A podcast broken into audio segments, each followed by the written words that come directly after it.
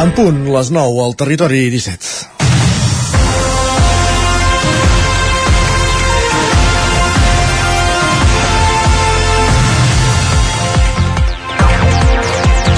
Bon dia. La cursa que iniciava Pedro Sánchez el 23 de juliol amb un resultat electoral que d'entrada no li era favorable per arribar a la investidura arriba avui i demà al desenllaç. Sánchez no havia guanyat les eleccions, va obtenir més suports un Feijó que no sumava majoria absoluta ni comptant amb els vots dels seus aliats, Vox, UPN i Coalició Canària. I la seva investidura, el mes de setembre, resultava fallida davant la incapacitat de buscar més vots entre la resta de forces parlamentàries.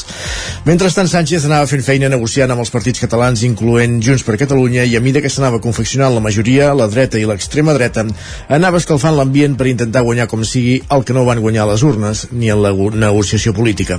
La raó de ser del sistema democràtic. Les últimes dues setmanes, al més pur estil trumpià, han portat les protestes al carrer en defensa de la Constitució, la sagrada unitat d'Espanya i tot amb missatges bastant poc edificants, més aviat condemnables, que no evitaven ni l'homofòbia ni el racisme. I davant les comparacions de les mobilitzacions del procés, la frase lapidària l'escrivia divendres Laura Serra a les pàgines del 9-9 de cap manera pesa igual la defensa del masclisme que del feminisme, és evident, com no és igual ser racista que antiracista, etc. I el que està passant amb les protestes de Ferraz, quan es comparen amb Urquinaona, no es pot posar a la mateixa equació un crit feixista que un crit independentista, perquè de cap manera és comparable una gent que vol treure drets als ciutadans que els que surten al carrer per guanyar-ne. Demà Pedro Sánchez ha de sortir investir president del govern espanyol per quarta vegada i veurem després com avancen tots els acords amb la part catalana que s'ha compromès a facilitar-li la investidura. És dimecres 15 de novembre de 2023, en el moment de començar el Territori 17 a la sintonia del 9 FM, la veu de Sant Joan, Ràdio Cardeu, Ona Codirenca, Ràdio Vic i també ens podeu veure, ja ho sabeu, a través de Twitch, YouTube, Televisió de Cardedeu, el 9 TV i la xarxa més. Territori 17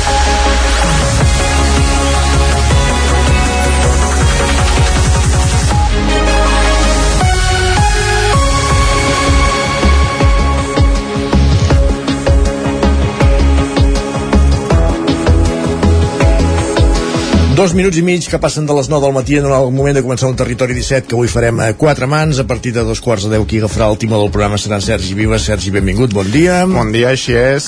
Fins a arribar a aquesta hora el que farem serà però com cada dia, eh, primer de tot repassar el sumari d'aquest matí de dimecres 15 de novembre de 2023 en aquesta primera mitja hora abordarem les notícies més destacades de les nostres comarques. El Vallès Oriental, l'Osona, el Ripollès, el Moianès i el Lluçanès en connexió amb les diferents emissores que dia a dia fan possible aquest programa. També hi farem l'entrevista avui amb en Joan Salaric, director del BBVA Torelló Muntany Film, el Festival de Cinema de Muntanya de Torelló, que aixeca el taló aquest divendres. Parlarem de les novetats d'aquesta 41a edició.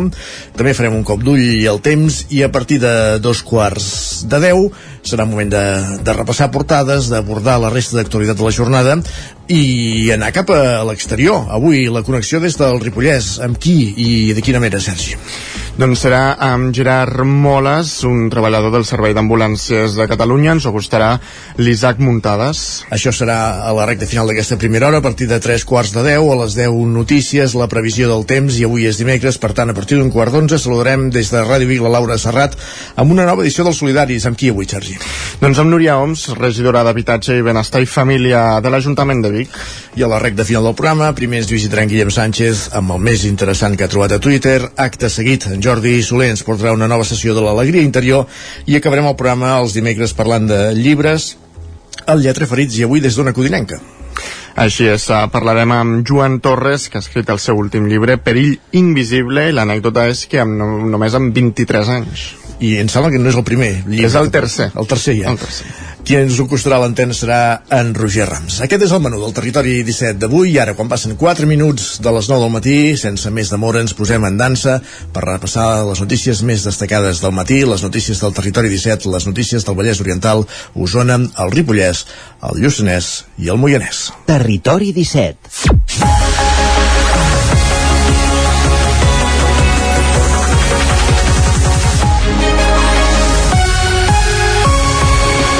El debat per tenir telèfon mòbil o no amb 12 anys ja ha esclatat arreu del territori. A Vic, la biguetana Laia Mercadal impulsa un grup de WhatsApp per endarrerir el màxim possible la compra o el lliurament del primer dispositiu amb accés a internet, Sergi.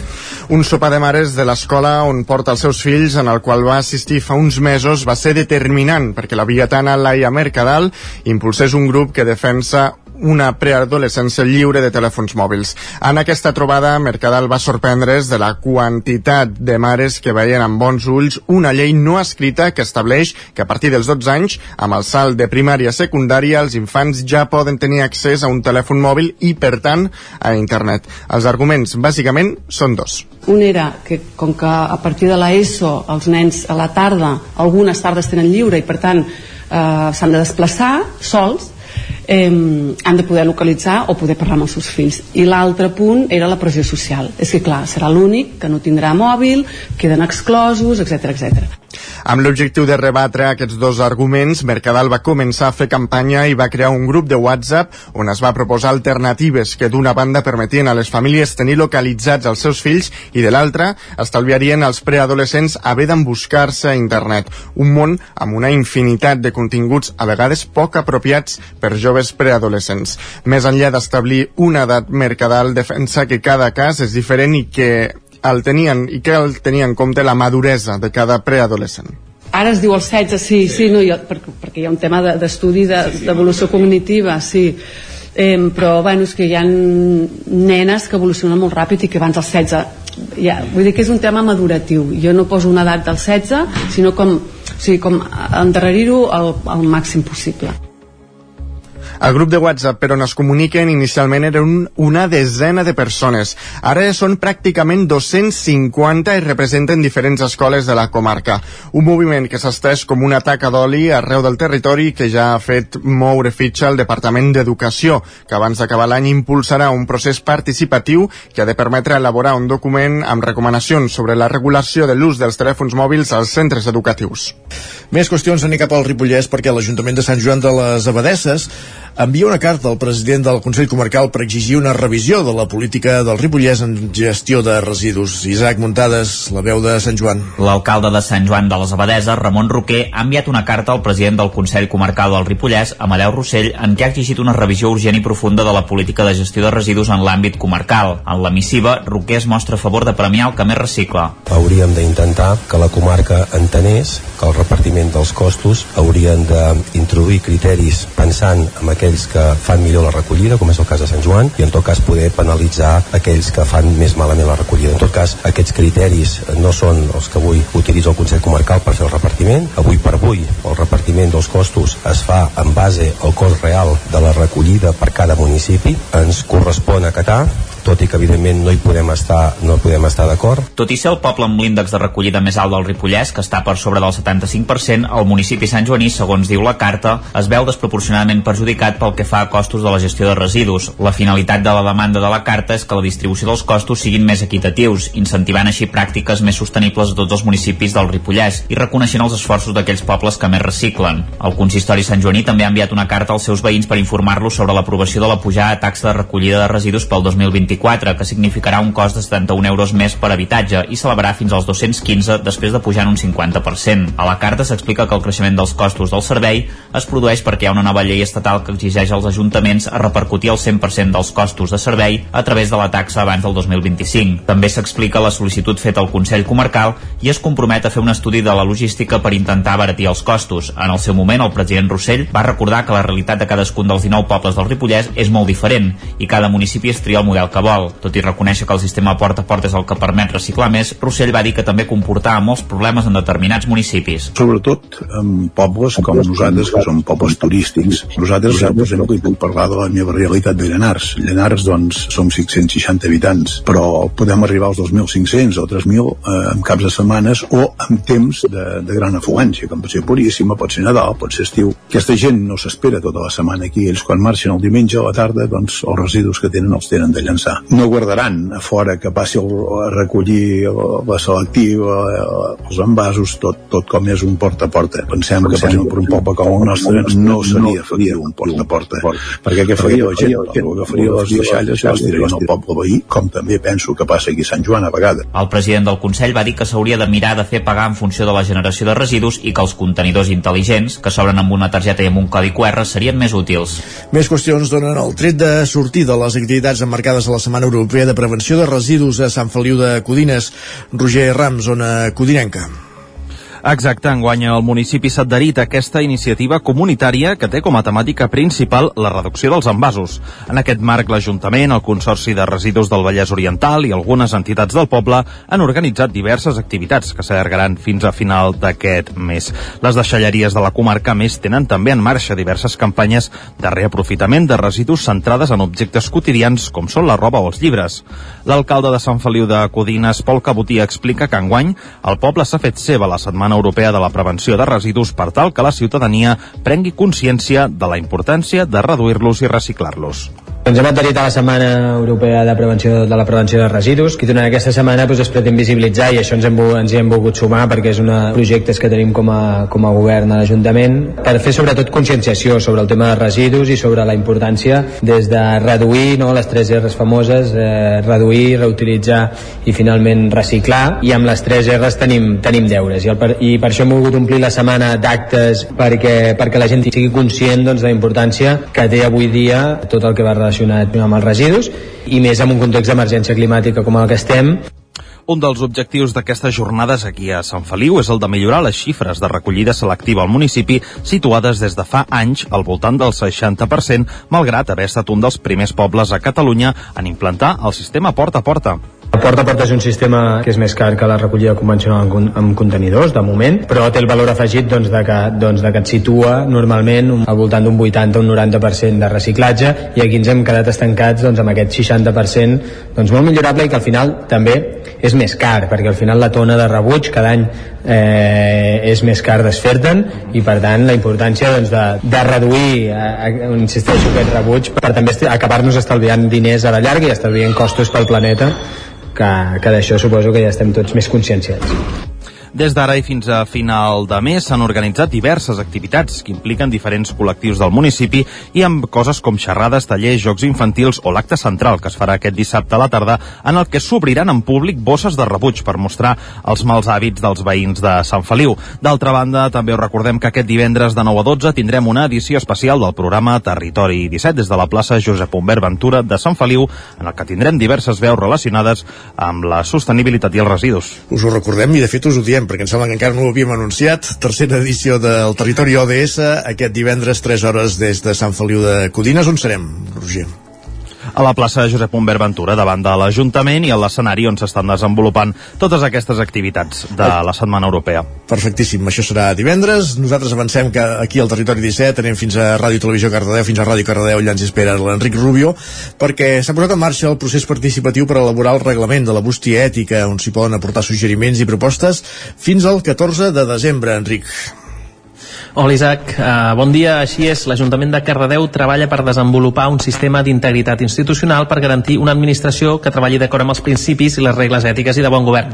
Tal com diuen des del propi consistori, un dels mecanismes que té l'Ajuntament de Cardedeu per millorar i fer més eficients aquestes regles de conducta i per recuperar i consolidar la confiança de les persones en les institucions públiques és la posada en marxa de la bústia ètica. Aquesta permetrà de forma anònima comunicar qualsevol tipus d'activitat o d'acció fraudulenta o conflictes d'interès que hi pugui haver en aquesta administració. I precisament per a fer-la possible s'ha iniciat un procés participatiu per elaborar-ne el reglament. Està adreçat a tota la ciutadania per tal de recollir propostes, suggeriments o comentaris que es puguin incorporar i enriquir el document final del reglament. En acabar, les propostes seran analitzades per una comissió d'estudi formada pel personal tècnic i dels serveis jurídics de l'Ajuntament. Ara mateix ja es pot llegir a la web de la, del consistori l'esborrany del reglament de la bústia ètica i opinar sobre els aspectes que en ella hi consten. Gràcies, Enric. I tot seguit el que fem ja és anar cap a saludar el nostre home del temps, en Pep Acosta, perquè és moment de repassar la previsió meteorològica per les properes hores. Per tant, tornem cap a una codinenca.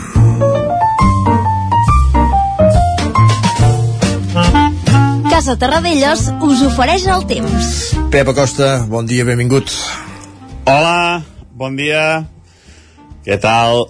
Benvinguts a la informació meteorològica. Continuem amb aquest estiuet de Sant Martí.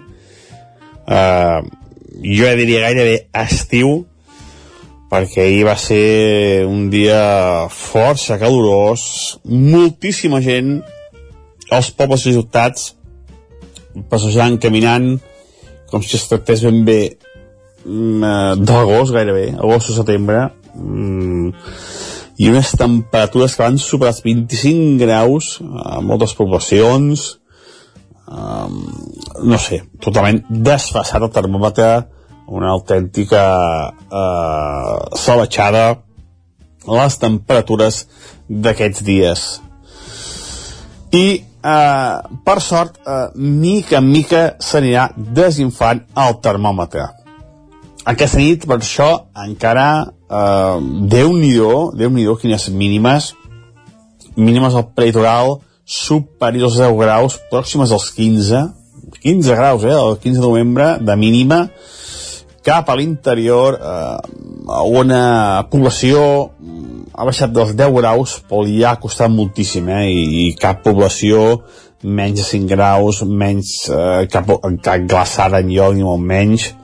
Eh, vull dir que Déu-n'hi-do, déu nhi déu nhi quina situació tan i tan anòmala. El 15 de novembre eh, les temperatures mínimes haurien de ser inferiors als 10 graus a tots els, a tots els postos de les comarques i hauria ja de glaçar cap a l'interior i també cap al Pirineu i, i res de tot això eh, aquesta nit passada ni de bon tros. I bé mm, avui eh, al matí farà força sol molt de sol però de cara al migdia de cara a la tarda la nuvolositat anirà augmentant. Això provocarà que les temperatures no pugin tant. Avui eh, les màximes els costarà passar d'aquests 21-22 graus si és que hi arriben. Eh, moltes quedaran això, eh, entre els 20, 21, 22 a tot estirar. Al matí, pocs núvols, i a la tarda, més núvols, més nuvolades. Um, fins i tot poden caure quatre gotes, quatre gotes eh, cap al prelitoral, eh, també cap al Pirineu, eh, dic que podien caure, eh? és condicional perquè hi ha possibilitat, però és baixa, no, no serà pluja segura i a més, eh, si plou farà en quantitats molt, molt minces, molt poca cosa. Mm, per res solucionarà aquesta sequera que tenim eh, com un litre o dos en, en, en aquesta zona si es que arriba a caure. Els vents febles, eh, ahir van bufar el Garbí, va bufar el Ponent, que va ser dos, els culpables d'aquesta pujada eh, salvatge a les temperatures. Avui els vents molt més febles gairebé no se ni sentir. A disfrutar el dia d'avui, aviam si, si aquesta pluja que sembla que plourà en algunes poblacions eh, plou més del que està previst, però no ho crec. Però bueno, per fi avui baixaran una mica les temperatures i serà un dia més normal de tardor. Adeu! Gràcies, Pep. Parlem d'aquí una estoneta. Casa Tarradellas us ha ofert aquest espai. 3 minuts que passen d'un quart de 10 del matí.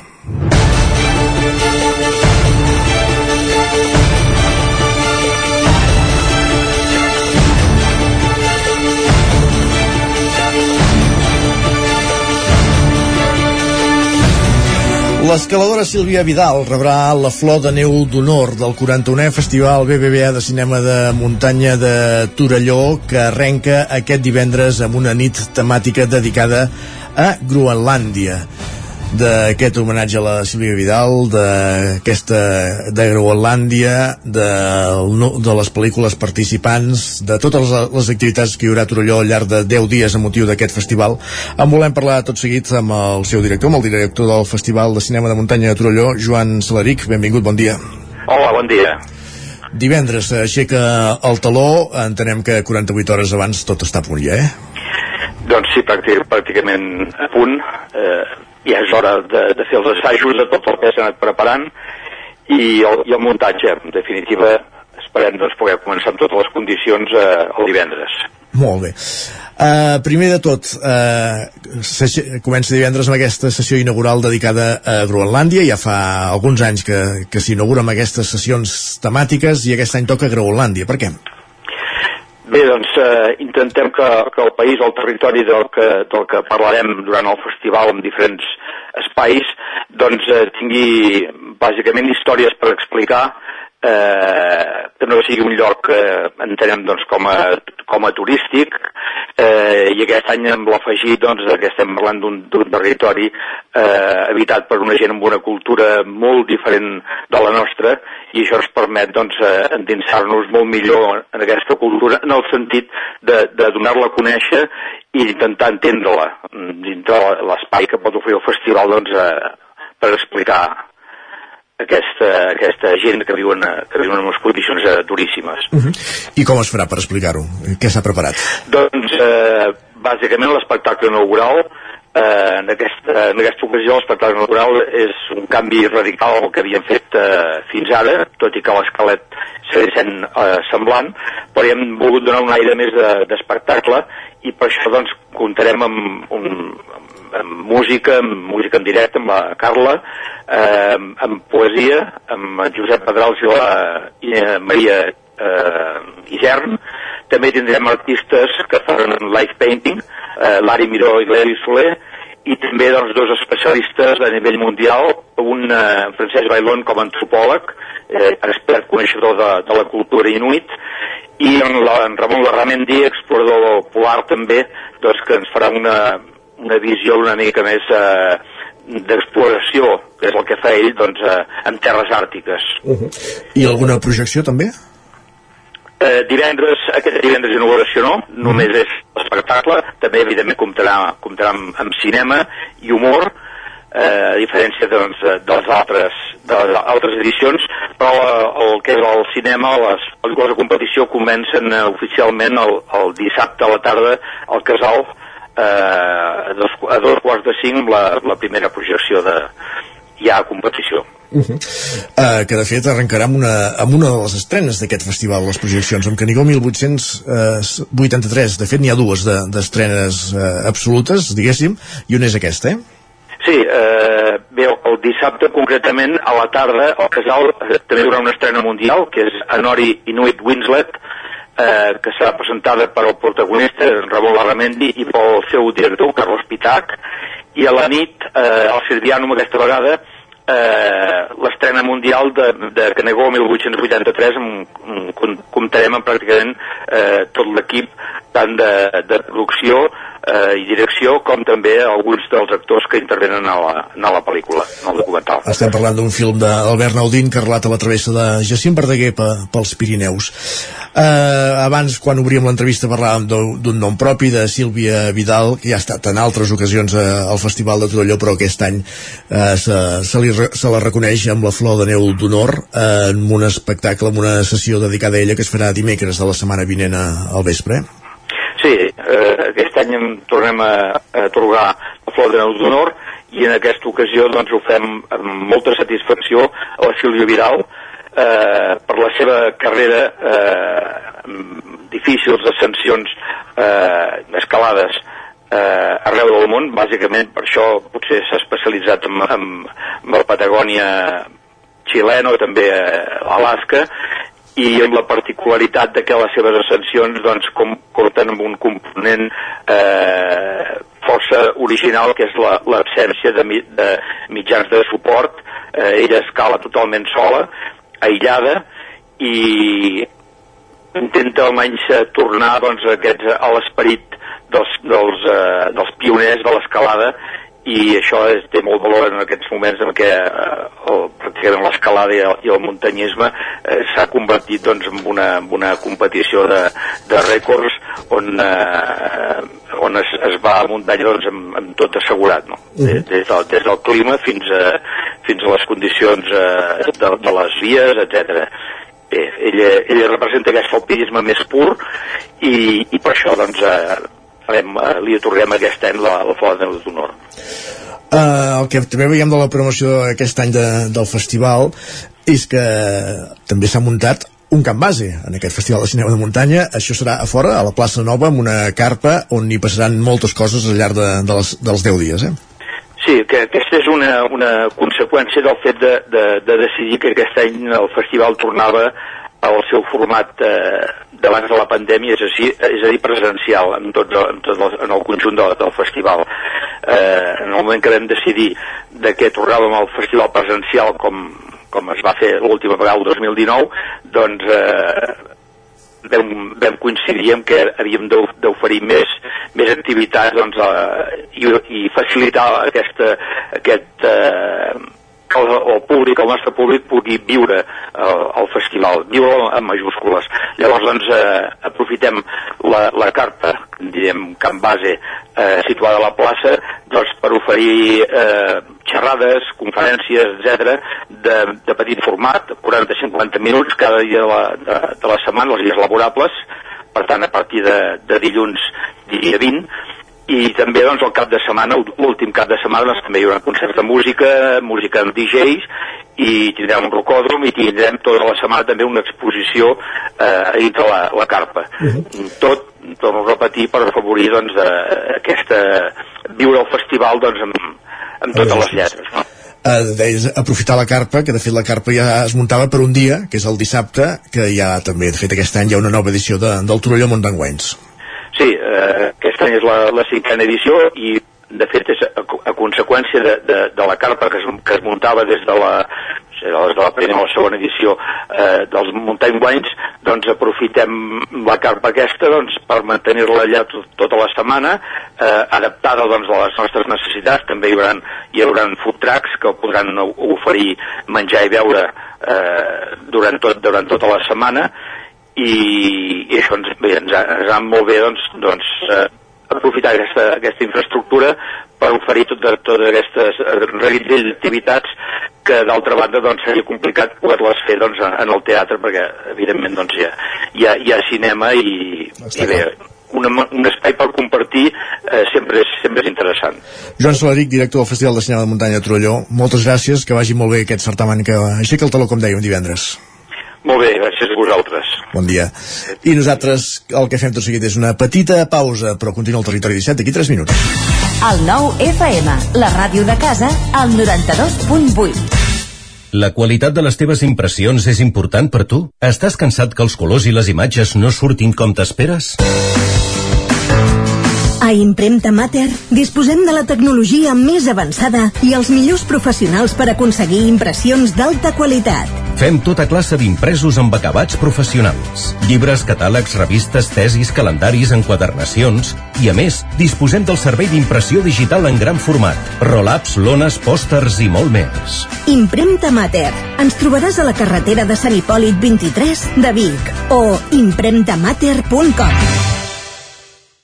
Quan tingui un problema amb la seva caldera, vagi directament a la solució. Truqui sempre al servei tècnic oficial de Saunier Duval i despreocupis, perquè som fabricants i coneixem les nostres calderes peça a peça. I ara aconseguiu fins a 300 euros en canviar la caldera. Informeu-vos al 910 77 10 50 o a saunierduval.es.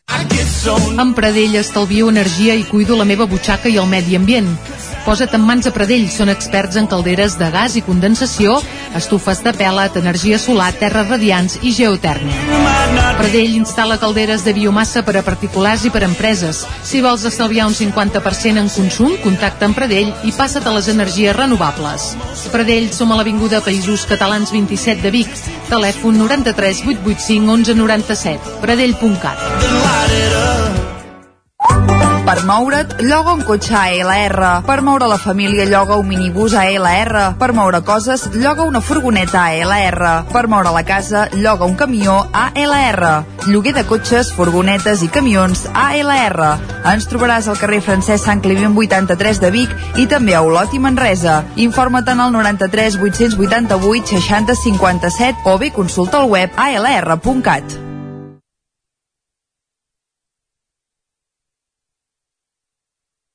Ser a prop vol dir veure les coses més bé. Apropa't al que t'interessa amb la xarxa Més. la teva plataforma audiovisual de qualitat, proximitat i gratuïta. Gaudeix dels continguts de més de 30 televisions locals i podcast quan, com i on tu vulguis. Entra a la xarxa més.cat i descarrega't l'app. T'imagines un programa de política, d'economia, feina... Doncs ja te'n pots oblidar. Quin tinglado! Un programa d'entreteniment, actualitat, cultura i molt rigorós. Amb Bata Serrat, Miquel Giol i Eudal Puig. Un programa que no passarà a la història i que tampoc guanyarà cap ondes. No ens flipem. Escolta'l cada dijous en directe de 8 a 9 del vespre al 9 FM. Ai, ai, ai, quin tinglado! El 9 FM, el 9 FM, el 9 FM, el 9 FM. En punt ara mateix dos quarts de 10 al territori 17.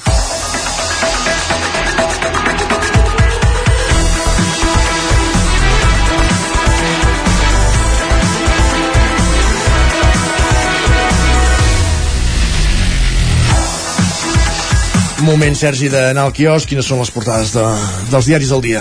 Doncs comencem pel punt avui, que encapça la portada amb el titular Tot s'hi val. Diuen que Sánchez se somet a la investidura en un congrés blindat i en un clima d'hostilitat màxima. Expliquen que Vox es querella contra Sánchez i Puigdemont i exigeix al Suprem que aturi el ple d'avui. Diuen que el PP modifica el reglament del Senat per entretenir tant com pugui la llei d'amnistia. El periòdico diu que l'àrea de Barcelona estalviaria el 7% d'aigua si abaixa la pressió. Expliquen que la re regió metropolitana es disposa a ampliar les restriccions a partir de la setmana que ve. Diuen que les mesures afectaran més de 5 milions de persones. La Vanguardia diu que Sánchez afronta la investidura en un clima de crispació per l'amnistia. Expliquen que el Partit Popular canvia en un ple convuls el reglament del Senat per frenar la llei. Diuen que les forces de seguretat blinden al Congrés dels Diputats per protegir-lo de les protestes. Lara diu que Sánchez arriba a la investidura amb la dreta revoltada. Diuen que PP i Vox es mobilitzen en tots els fronts per impedir que el nou executiu comenci a caminar. Diuen que PSOE, Sumar, Esquerra, Junts, Bildu, PNB, BNG i Coalició Canària elegiran el líder socialista en la primera votació. I repassem ara portades espanyoles. El País diu que Sánchez afronta la, la investidura en un ambient d'alta tensió. Expliquen que el candidat defensarà els seus pactes i l'amnistia i oferirà estabilitat política. Diuen que Vox es querella contra el president i demana al Suprem que pari el debat. L'ABC diu que magistrats i fiscals surten al carrer per l'atac del PSOE a la divisió de poders. Expliquen que lamenten que els polítics controlin les eh, resolucions judicials que s'han dictat. Diuen que Junts insisteix que amb el pacte amb els socialistes porta implícit perseguir els jutges que van actuar contra els colpistes de l'1 d'octubre. El Mundo diu que Junts amenaça els jutges abans d'investir a Sánchez. Expliquen que els adverteix que tindran que aplicar l'amnistia als casos polèmics i presumeix d'haver redactat la meitat de la llei. Uh -huh. I acabem amb la raó que diu que tot està llest perquè el PP internacionalitzi l'amnistia. Expliquen que compta amb la majoria en el Parlament Europeu, també amb la presidència, i diuen que la Comissió Europea estudia la polèmica mesura i ha negat que existeixi una avaluació preliminar favorable. 3 minuts que passen de dos quarts de 10, repassem digitals, l'edició d'Osona i el Ripollès del 99.cat. doncs tenim una notícia que bueno, va sortir ahir que Oques Grasses tornen la primavera del 2024 amb un nou disc. Una notícia molt esperada per tots els fans d'Oques Grasses, que són molts i moltes, i a l'edició del Vallès Oriental... Doncs ens diuen que el govern vol limitar els pisos turístics a 15 municipis ballesans. Gràcies, Sergi. Continua el territori 17, ara amb les notícies amb Sergi Vives i Clàudia Dinarès. Fins ara mateix. Fins ara.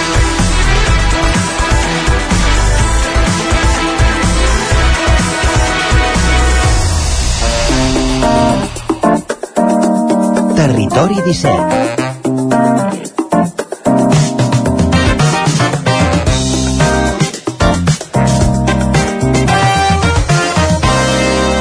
Territori 17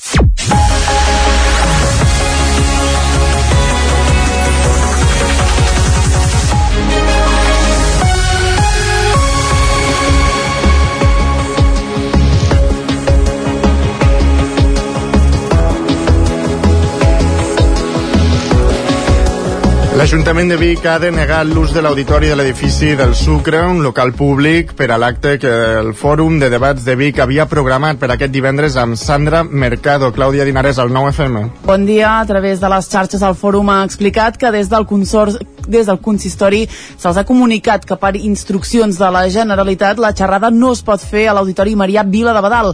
L'entitat ho qualifica de mala notícia per la llibertat d'expressió i de pensament. El Comitè Transfeminista d'Osona havia més un, un manifest demanant la suspensió de la conferència que consideren transfòbica després del posicionament de l'Ajuntament.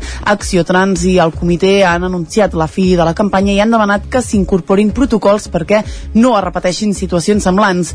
Sandra Mercado és una dona que després de fer el trànsit es mostra crítica en tot el procés. Els signants del manifest deien textualment que convidar-la travessa les línies de la tolerància i el respecte envers la comunitat trans.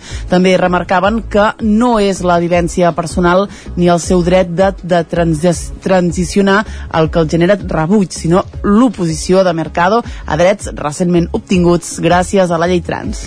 Els Mossos d'Esquadra treballen per identificar el conductor d'un vehicle que dissabte va fer un avançament en doble línia contínua i a gran velocitat a la recta entre Vic i Manlleu. L'acció temerària es va produir poc després d'un quart de quatre de la tarda a la B522. El tram està limitat a 70 km per hora i a més hi ha doble línia contínua. Una càmera d'un dels vehicles que hi circulava ho van registrar la via. A més, hi ha diversos canvis de rasant que dificulten moltes vegades la visibilitat. Els Mossos afirmen que aquesta maniobra temerària va posar en risc greu a la resta d'usuaris de la carretera. Demanen la col·laboració ciutadana per poder perseguir imprudències com aquesta. I a la mateixa carretera, la B522 a Gurb, també aquest dissabte, a la matinada, els Mossos van denunciar un conductor de 25 anys que quadri, quadruplicava la taxa d'alcoholèmia va marcar 1,01 mil·lígrams per litre d'aire expirat. Va ser pels vols de dos quarts de set del matí en un control de drugoalcolèmia quan van aturar un vehicle i en el moment d'iniciar la conversa amb el conductor els agents es van adonar que hi havia 8 passatgers en un vehicle de 5 places. A més, el conductor tenia el permís de conduir caducat. El conductor va quedar denunciat penalment per un delicte contra la seguretat viària per conduir sota la influència de begudes alcohòliques per haver superat el 50% d'ocupació màxima i per no tenir el carnet vigent. A més, a tres dels ocupants dels seients del darrere se'ls va denunciar per no fer ús del cinturó de seguretat. I en setmana plana esportiva, la sala polivalent de la zona esportiva de Torelló va ser dissabte l'escenari d'un campionat internacional de speedcubing. 6 segons de mitjana calculats entre 5 intents. Aquest és el temps que va trigar Antoine Petarquis a completar el club de Rúbic, procedent dels Països Baixos, va ser el guanyador del campionat de speedcubing celebrat durant aquest cap de setmana a Torelló. El campionat comptava amb 9 disciplines que s'inclouen a les 17 que hi ha de manera oficial. En parlava el president de l'Associació Catalana d'aquest esport, Albert Garriga. Tenim 9 disciplines de, de speedcubing, és a dir, de cubs de Rubik. Algunes de les disciplines són 2x2, 3x3, 4x4, Pyraminx, Skip, Megaminx, 9 de les 17 categories oficials. Per valorar els resultats dels competidors, el que es fa són 5 intents de cada disciplina i es, es treu el millor i el pitjor temps, de manera que la mitja al final són els tres temps al mig i això és el que compta per la classificació i pels resultats. El guanyador va compartir competició amb prop de 120 participants internacionals. Tot i així, el segon i el tercer lloc va ser pels catalans Arnau Tous i Eric Subirats. Ha estat tot un èxit perquè ja hem fet rècord de competidors a Catalunya. També és el primer cop que participen més de 100 persones a la categoria 3x3, que és el cub de Rubik de tota la vida, pel que creiem que de moment tot un èxit. I a més ahir vam fer un taller en el que 40 joves del poble van vindre a aprendre doncs creiem que això eh, tirarà endavant i anirà molt bé. L'any que ve, sens dubte, repetirem. Si els joves s'ho han passat bé i volen repetir, nosaltres tornarem i, i portarem la speedcubing a Torelló. Arran de la proposta per part de Torelló Jove i l'Ajuntament s'ha tirat endavant la iniciativa al municipi. Des de l'organització veuen amb satisfacció l'acollida de la competició. De la mateixa manera veuen amb bons ulls la participació, més enllà dels competidors, i afirmen que estan pensant en tornar a la comarca d'Osona. Doncs gràcies, Clàudia. Arribem així al final d'aquest repàs informatiu. És temps d'anar cap a la tren d'Alba.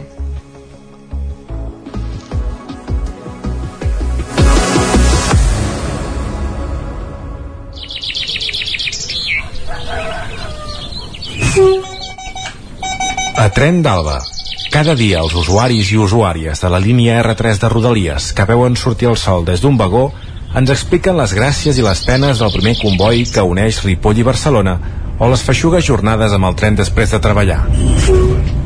Benvinguts a Tren d'Alba. És evident que els problemes de Rodalies són crònics. És per això que el president de la Generalitat de Catalunya, Pere Aragonès, va demanar impulsar un ple monogràfic per parlar-ne al Parlament. Però, curiosament, aquesta sessió que s'havia de celebrar la setmana vinent s'ha ajornat sine die a petició de la mateixa Esquerra Republicana de Catalunya, el partit del president. Així ho ha explicat el diputat de Junts, Josep Rius, que ha anat més enllà i ha dit que el traspàs de Rodalies que han pactat Esquerra i el PSOE no és allò que han volgut fer creure la gent i que sembla que tinguin cosa a amagar. A més de recordar que milers d'usuaris se'n veuen afectats cada dia. En un temps veurem qui tenia raó quan el traspàs sigui una realitat. Es veurà si la cosa millora o si per contra era tot política partidista. En tot cas, segurament ni els uns ni els altres tenen la raó absoluta. Va, en retrobem demà amb més històries del tren i de l'R3. Territori 17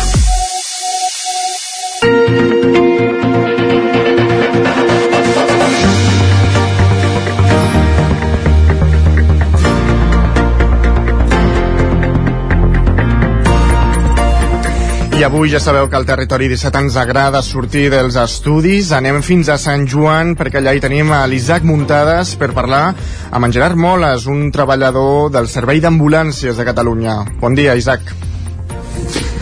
Bon dia, Sergi. Doncs mira, sí, ara fa un parell de setmanes eh, uns 500 treballadors del Servei d'Ambulàncies de Catalunya van manifestar-se davant del, del Parlament per pressionar els diferents eh, partits polítics de l'hemicicle perquè la proposició de la llei per la internalització del servei l'assumeixi l'administració. La, I avui ens trobem aquí a Sant Joan de les Abadeses, al carrer Ramon Durc, no gaire lluny de l'estudi de la veu, amb en Gerard Moles, que com bé has dit, Sergi, doncs és treballador del sector i que ens explicarà què demanen eh, exactament.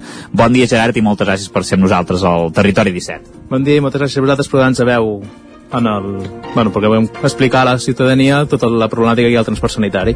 Molt bé, Gerard. Primer de tot, aquesta manifestació va servir per desencallar la situació o, o creieu que encara està una mica enquistada? Voleu seguir mobilitzant-vos de manera permanent fins a aconseguir-ho? No sé si hi ha previstes noves mobilitzacions en els propers dies.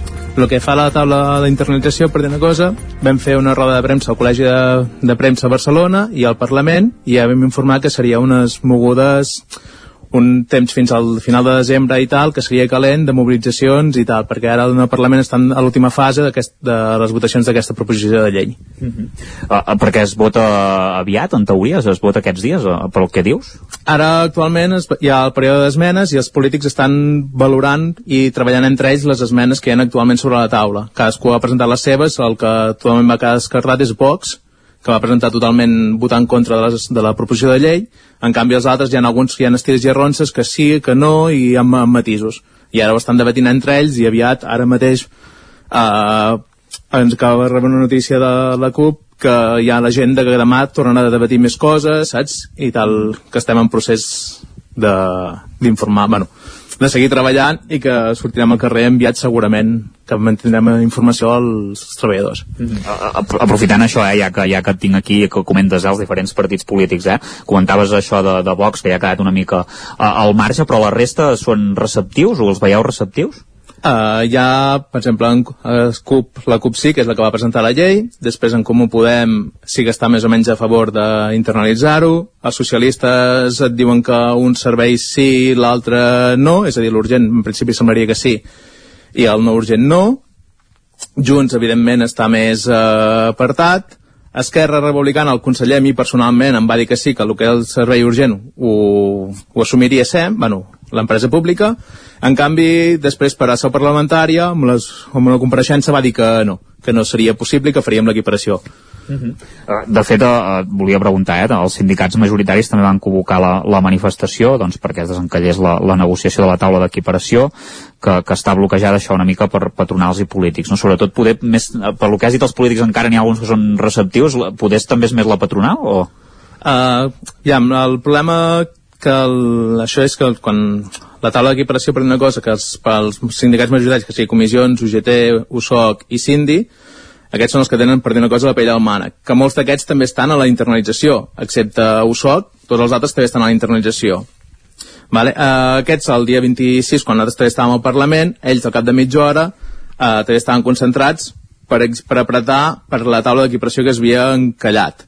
Clar, la taula d'equiparació és molt bonic dir-ho d'aquesta manera perquè només milloraria les condicions del treballador que ara mateix estan paralitzades perquè hi ha una altra moguda que ens volen canviar d'article de treballadors, que ens volen ficar una llei que ficarien personal estatutari que és un, tota una moguda que està vivint aquest cap de setmana que per tant la taula d'equiparació que es va avanç, eh, com es diria, avançar el passat 26 que la van aconseguir amb un acord en Comú Podem ara mateix està com tornant a estar paralitzada per aquesta moguda d'aquesta llei famosa que entrarà, que tampoc ningú sap ben bé com va, perquè està com una mica debatint-se encara quines millores, perquè SEM ha presentat una proposta i la CEA, bueno, la patronal diu una cosa i la part social, que serien els sindicats, estan dient una altra. És a dir, que no hi ha un acord que estem així una mica a les agues de todos. Una mica en, el llim, eh, que es diu. Uh, perquè ara, evidentment, estem parlant de moltes coses i, i perquè la- l'audiència i els oients ens entenguin. Quines són les vostres principals eh, reivindicacions i d'on ve eh, aquest conflicte? Perquè eh, el sector té, té molts problemes, eh, perquè fa les condicions laborals. Que, uh, nosaltres, per exemple, el que jo personalment estic més a favor seria de la internetització. Evidentment que si l'equiparació podem aconseguir millores, ningú rebutjarà i es donarà la causa a les millores que puguin haver-hi amb la taula d'equiparació. Però creiem que un servei com és el servei de transport de les ambulàncies, el, actualment hi ha el 90% que està privatitzat. Per tant, hi ha algú que es beneficia d'aquest lucre com tenim els Mossos que són públics, els agents rurals, els bombers, són serveis que la ciutadania són 100%, 100 públics, en canvi el transport sanitari no, hi ha algun intermediari al mig. Uh, actualment el pressupost de, el concurs de les ambulàncies és el més car de tota la història de Catalunya, més de 2 milions llargs. Clar, vol dir que tots aquests calés que s'han destinat de l'administració, a un part se'ls queda l'empresa per benefici. I clar, creiem que si el- s'elimina aquest tercer de, que treu el benefici, tots aquests diners aniran directament a millorar les condicions tant del servei, com de vehicles, materials i això, com les condicions del personal. Uh, és, és això que, que comentes, eh? Uh, per exemple, no sé, un, uh, temes de condicions la, laborals, eh? Els usuaris també acaben patint aquesta manca de recursos, entenc que, que patiu, no sé, posa'ns algun exemple que, que us trobeu amb el dia de, del que suposa això, eh? Perquè és això que deies, eh? Com que doncs, la, la, tot acaba anant amb aquests intermediaris, no? Una part, en tot cas, eh, clar, vosaltres no us veieu repercutit sobretot en el tema de sols, però el, els pacients també també es veuen afectats en certa manera. Clar, per exemple, els vehicles de no urgent, la majoria que tenim aquí a la comarca o a la Garrotxa passen dels 300.000 quilòmetres. Després, per exemple, aquests usuaris surten del Ripollès, ja sigui de Llanàs o de Can Davant, on sigui. Normalment, ara moltes proves anem directe a Girona, o inclús a fer tractaments de diàlisis, surten de les seves poblacions i per anar a Girona o a Vic moltes vegades fan parades en, en, en plena en l'ambulància, per dir-ho manera, sap, sap greu dir-ho, però un trajecte que seria una hora, poder estar en dues hores dins l'ambulància, perquè pares a Camprodon, de Camprodon et fan parar a Olot, Banyoles, pum pum, en plenes totes les set places, vuit o depèn del tipus d'ambulància que portis, i clar, fins el, el, el pacient es queda a fer el tractament i la sortida és exactament el mateix. Una persona, quan surt d'un tractament de diàlisis o radioteràpia, vulguis o no, està aixafat, té ganes d'arribar a casa i a aquestes voltes encara l'empitjora. Creiem que si l'administració fos això, no tindríem aquestes problemàtiques. Si ara canviem totalment i deixem el no urgent i anem amb l'urgent, aquí a Sant Joan les tenim un, el VIR, que seria aquell cotxe Mercedes que aquell vehicle moltes vegades no arriba, no pot arribar als recursos a, a la zona que està. Perquè és un vehicle turisme molt dissenyat, molt maco per Barcelones o grans ciutats però a la zona rural que estem aquest vehicle mm, no, no arriba als llocs. Per això moltes vegades el vehicle queda parat i després l'ambulància 4x4 que això sí que les tenim l'avantatge que són 4x4 puja el personal mèdic o inclús amb els mateixos bombers els acaben de portar al domicili de muntanya, bueno, de la masia aïllada que arriba o quan arriba el Neucat, aquest vehicle s'ha de canviar per una ambulància 4x4 perquè poder donar el servei a la ciutadania. Creiem que això, si tirem temps enrere, quan va haver aquella desgràcia d'una parella de Can Davano que van morir a les lloses, Correcte. va haver-hi una queixa que els bombers no tenien un vehicles 4x4. Al cap d'uns temps es va solucionar i es van tindre els Land Cruiser 4x4, els parcs de bombers d'aquí, per donar aquesta cobertura. Creiem que si aquesta problemàtica, com va passar també que va haver un paro, una aturada cardíaca, amb el que el VIR no hi va poder arribar, creiem que si la gestió fos de l'administració directa, a Barcelona mateix, a la seu central, hi ha Land Cruisers parats eh, de les orques, saps què vull dir? Que, per tant, aquell vehicle el podrien estipular aquí a Sant Joan per donar cobertura a la zona aquesta i no pendent d'un nou concurs que hem d'esperar les, per fer canvis de vehicles fins que no es remet el, acaba el concurs. Mm -hmm. Això remet una mica a allò que es coneix com el Barcelona centrisme. Comentaves, per exemple, aquest cas doncs, que va passar això, si no recordo malament, va ser el 2015, que una parella, un noi de Can Bànol i una noia d'Osona, doncs es van, van morir ofegats pel diòxid de carboni en el cotxe i, i això que deies, eh, que realment tampoc estaven en un lloc excessivament allunyat que, i, i hagués arribat un 4x4 per una pista i no va poder ser, ser així. Uh, vosaltres ara mateix quins vehicles disposeu per això? Què, què teniu aquí al Ripollès? Clar, els vehicles, el que serien les ambulàncies, serien dues ambulàncies de bàsica, vale, que aquestes sí que són 4x4, després hi ha una, inferma, una d'infermeria que està aparcada a l'hospital, que també és 4x4, i després hi hauria el Mercedes, que hi ha el metge aquí a Sant Joan, que és un turisme classe 2. I llavors de programat hi ha unes 8 unitats, que algunes són 4x4 i altres són Renault Masters convencionals. Uh -huh. uh, és suficient aquests vehicles, això que deies, eh? potser faltarien, no? Això que deies, eh? que hi ha aquests Land Cruiser, ara deies això, parats allà, que podrien venir aquí, no? Uh, com, com van aquestes gestions? Entenc que, que heu d'esperar això, que, que, que es faci el concurs i és una mica complicat, no?, tot plegat? clar, el dir-te si falten recursos o no, més aviat de vegades per, és més aviat segons la necessitat del servei. Hi ha moments que potser sí que les guàrdies urgents són tranquil·les, però hi ha cops que estan, està desbordat per exemple, a Giron, rotllo Girona i això, va molt, hi ha molt més volum de gent, hi ha molta més unitats, i allà ja de tant en tant sí que hi ha hagut com en unitats de reforç. Uh, que, per exemple, Olot també a vegades també queden penjats i a vegades l'ambulància de Camprodon va donar suport a Olot i és a dir, juguen una mica al Tetris com que tenen localitzats els vehicles per donar cobertura a això. Per exemple, si l'ambulància medicalitzada d'Olot fa un servei secundari, és a dir, entre hospitals i tal, el Mercedes d'aquí Sant Joan se'n va a cobrir la zona, és a dir, saps que juguen una mica per mm. cobrir el territori. Mm -hmm. Perquè és un territori, el Ripollès, que és difícil de cobrir, en certa manera, perquè l'orografia és molt complicada, hi ha el Vall Ripollès, hi ha, hi ha dues valls, això també ho suposo que és un afegit, no?, a la vostra feina de, de complicacions, no? Clar, el que és el, per dir una cosa, el que seria l'ambulància bàsica de Can de Bano, que està ubicada a tocar el, el camp de futbol, aquell representa que cobreix Sant Joan, faria la partició i fa tot el que és el Baix Ripollès i cap a la Vall de Ribes. Mm -hmm. I la de Camprodon agafa Sant Joan i Vall de Camprodon. Això no vol dir que si la de Can Davant estigués fent un servei, la de Camprodon no pugui anar a Ribes si surt el servei, saps que vull dir? Mm -hmm. Que és una mica complicat, però vull dir, per això ja a Barcelona hi ha els companys de FECOS que són els que veuen els, on hi ha l'incident i quin vehicle més proper, a vegades potser envien la, bueno, la infermera, bueno, la unitat que hi ha l'infermera, la Índia, a donar un servei per evitar de no deixar descoberta la, el que és la vall de Camprodon, saps? Que, vull dir, que no seria un servei que fa falta una infermera, però per optimitzar recursos, no deixar territoris aparcats, bueno, abandonats, fan això. No, no sé si heu reclamat, per exemple, que n'hi hagi un per Vall i un al Baix Ripollès, que potser seria el, el més lògic, no? O, o fins i tot dos al Baix Ripollès, perquè hi ha el tema de la, de la població, que, que també és bastant més alta. Jo, per exemple, no hi era, però abans, antigament, hi havia hagut una ambulància 12 hores a Ripoll, que és la que s'encarregava de fer més o menys la zona de Ripoll, Sant Joan i Can Davano. I després sí que hi havia una a la vall de Camprodon i la de Can Davano s'encarregava la vall de Ribes. Però això, quan va haver-hi les retallades en sanitat, aquest vehicle van dir que no donava per, per cobertura. Bueno, el número de serveis i relació no, no quadrava. Uh -huh. Uh, sou molts uh, treballadors d'aquest sector, la comarca. Uh, no sé si creieu que, que hauríeu de ser, de ser més? Clar, en principi d'urgent seríem uns 30 persones i del no urgent seríem un, hi ha unes 12 persones. Uh -huh.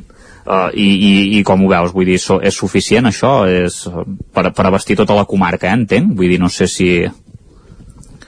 Clar, el número, sempre, en teoria ara, amb l'equiparació, sí que tindrem una reducció d'hores, vale? és a dir, ara estem fent 1.152 hores, per tant, el seu objectiu és que ens equivalin en el conveni de SEM, del de l'empresa pública, arribar a les 1.500 clar, si anem baixant el ràtio d'hores, per tant sí que fa falta increment de personal per poder garantir les dos uh -huh. bueno, poder garantir el servei les 24 hores, 305 dies de l'any.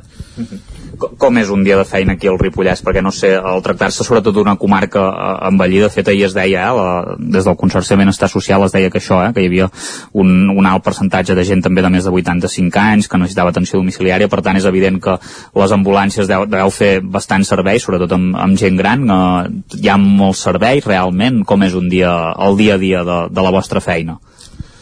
Clar, eh, separem els dos serveis, vale? hem programat que seria el no urgent, sí que, clar, vulguis o no, de les, de les residències de la comarca que s'han de portar a visites o a tractaments, inclús molta gent que viu a domicili sola no tenen mitjans per poder anar a visitar al metge encara que sigui una visita puntual. Clar, aquesta persona eh, fa la visita, a vegades surt una visita de 5 minuts i s'ha d'esperar una hora i pico que la retornem a casa.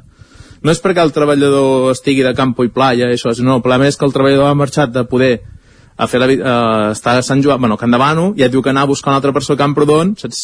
Mm. Per, I clar, saps que veus que la població és gran, envellida i tal, i dius, ostres, a mi em sap greu que aquesta persona s'hagi d'esperar una hora, doncs que no tinc més recurs, bueno, no tinc cap més opció, perquè si no l'altre no podrà fer la visita, saps? I hi ha moments sí que, que la més gent més jove ja és més, bueno, amb el mòbil i això ja es distreuen i, se'ls hi passa més l'estona, però clar, sap greu, en una comarca tan dispersa i tal, que una ruta que puguis anar a buscar allà anar, clar, és de seguida una hora i això, saps que tens la població aquesta la tens una mica abandonada en aquest sentit Uh -huh. Abans parlàvem una mica també de, dels polítics del Parlament, no sé qui els de, els de la comarca com, com us han pogut ajudar, si realment també heu tingut algunes reunions amb ells, perquè entenc que potser alguns tràmits també els heu fet a partir d'aquí, eh? Entenc.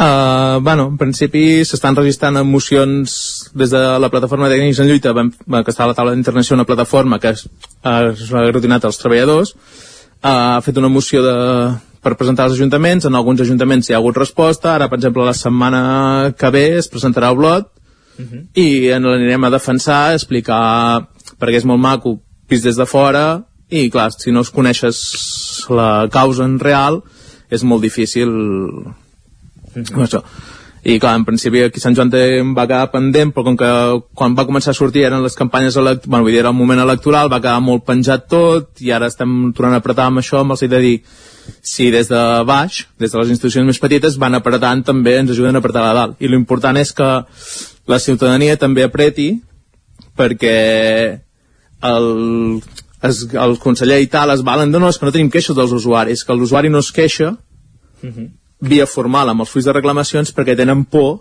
de que els hi prenguin el servei, és a dir, retirin el servei. Clar, això em queixo, al igual aquest servei me'l retiren i per això l'usuari no es queixa Uh mhm. -huh. no formalitza la queixa formal, es queixa amb el treballador, que, amb el personal que el va recollir i diu, és que t'estic fa una hora que t'espero. Sí, sí, però espera't, uh, si fas el, en plans d'aquest paper podrem millorar tots, perquè jo per molt que em queixi de que tu et queixes, a mi ningú, ningú m'escoltarà. Si no tinc una prova física, no hi ha manera... De que, de que facin cas, eh, sí. això. Perfecte, doncs uh, Gerard Moles, uh, treballador de, del sector de, de les ambulàncies d'aquí de la comarca de, del Ripollès, uh, feta, fetes les queixes també una mica les peticions i esperem que des del Parlament us escoltin i que es puguin millorar doncs, aquestes condicions de, de treball i que no us hagueu de seguir manifestant, que realment es pugui solucionar aviat. Moltes gràcies i, i molta sort. Moltes gràcies a vosaltres per donar-nos a veu i seguim en contacte. Us mantinem informats. Perfecte, gràcies. Doncs gràcies, Isaac, gràcies a Gerard. Uh, fins ara i... Fins ara. I nosaltres arribem ara a les 10 menys 3 minuts. Ja sabeu que és gràcies anunciat que tornaran a la primavera amb nou disc doncs arribem a aquest punt del territori 17 amb música, amb una de les seves cançons dels seus inicis, passos importants. Records des de Records des de Records des de records des de la lluna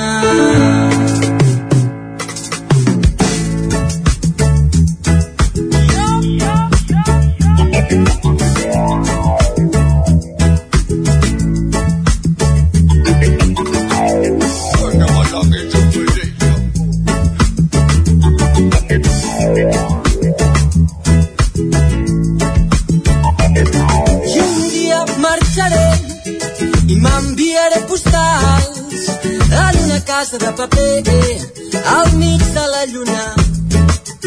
I un dia jo què sé, i un dia, què sé, i un dia no sé com,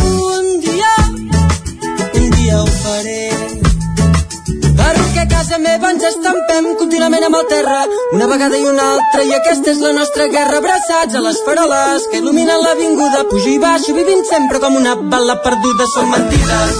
Les que buiden les persones són les veritats, els somriures i totes aquestes coses. El que ens empenya a viure amb totes aquestes ganes. Moltes vegades ens emprenyem i continuem igual. Moltes vegades no ho entenem i continuem igual. Plorem, riem, vivim i alguns ratos ens avorrim i et dic passos importants es solen fer sense roba. Els passos importants es solen fer sense roba. Els passos importants es solen fer sense roba els passos importants es solen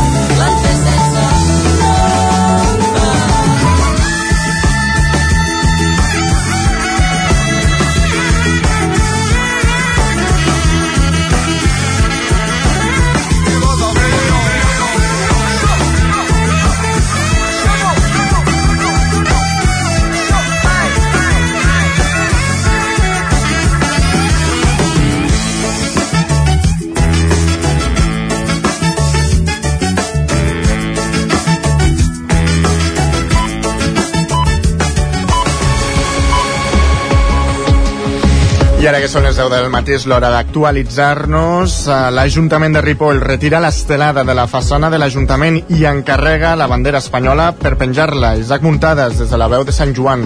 L'Ajuntament de Ripoll es va veure obligat a retirar l'estelada de la façana del consistori aquest dimarts al matí després que el jutjat contenciós administratiu número 3 de Girona va emetre un dictamen arran del requeriment de l'entitat unionista espanyolista Impulso Ciudadano, que defensava que hi onegés la bandera espanyola emparant-se en la Constitució espanyola. El jutjat havia donat un termini de 24 hores per fer efectiva la retirada. L'alcaldessa de Ripoll, Sílvia Oriols, va fer-ne cas omís en un primer moment, però es van decretar mesures cautelars que n'obligaven la retirada sota risc o pena d'inhabilitació. La cap de llista Aliança Catalana explicava que els hi van comunicar dilluns abans de les 3 de la tarda i, per tant, que havien despenjat l'estelada abans del termini establert pel jutjat. Tot i això, encara no havien penjat la bandera espanyola, ja que no n'hi havia cap en estoc al consistori i la van haver d'encarregar. Per tant, donen per fet que el termini s'amplia fins al moment que arribi. Oriols havia manifestat irònicament a la xarxa social X que Ripoll últimament hi feia molt de vent. A més, en una altra publicació, havia adjuntat la foto d'una soga, en què explicaven un text que havia demanat als advocats si la podia penjar a la seva manera, però li van recomanar que no ho fes, perquè es consideraria ultratge i podria comportar conseqüències legals. Així justificava el fet d'haver obeït als tribunals. En tenia ganes, eh, però no, no.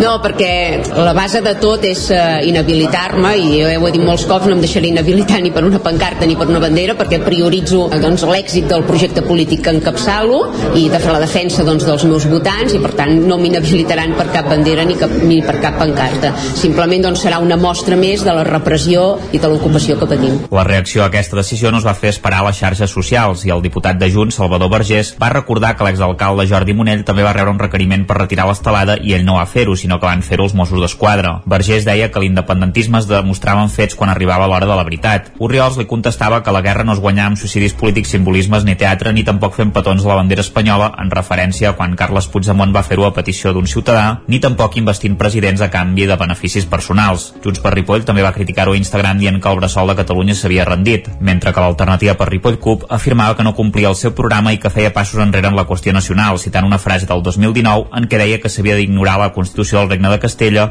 i establir una legalitat pròpia, ja que Qatar era una rocada. El regidor Copaire, Dani Vilaseca, insistia en el fet que la reconquesta que havia de començar des de la tomba del comte Guifré s'havia refredat. L'Ajuntament de Castellterçol invertirà prop de 500.000 euros a reformar la coberta de l'antiga fàbrica Anla. Roger Rams, zona codinenca. Sí, exacte. La reforma també instal·larà noves portes i finestres de tancament i una nova instal·lació elèctrica. Actualment l'espai és la seu de diverses entitats del poble i la reforma permetria ampliar els usos per a aquestes entitats. A la vegada l'obra ha de servir per poder abordar en un futur pròxim una reforma integral de l'edifici per ordenar tot l'espai. Albert Obrero és el regidor d'Hisenda de Castellterçol. Per d'aquesta manera poder encaminar-nos a fer un encàrrec d'un concurs d'idees arquitectònic que el que ens doni com a guanyador hagi de fer el del projecte base i executiu, ara ja sí, de la reforma integral de l'ALA com a espai de fàbrica de creació artística. Paral·lelament, l'equip de govern organitzarà una segona fase del procés participatiu que ha de desenvolupar el pla d'usos un cop es faci la reforma definitiva de l'espai farem una segona volta aquest procés participatiu perquè eh, s'han detectat certs grups de veïns que no van poder participar amb el primer o per desconeixement o perquè en el moment no els interessava per fer una actualització d'aquest pla o sigui que poden haver-hi ajustats. A més, la reforma de la coberta permetrà guanyar un espai on instal·lar-hi plaques solars per tal d'abastir amb energia extreta de fonts sostenibles als diferents equipaments municipals d'aquest poble del Moianès. Arriba la quinzena edició del Gran Recapte d'Aliments. Els dies centrals seran el divendres 24 i dissabte 25 de novembre, la setmana que ve. Osona comptarà amb una trentena de punts de recollida. Clàudia Dinares, al 9FM.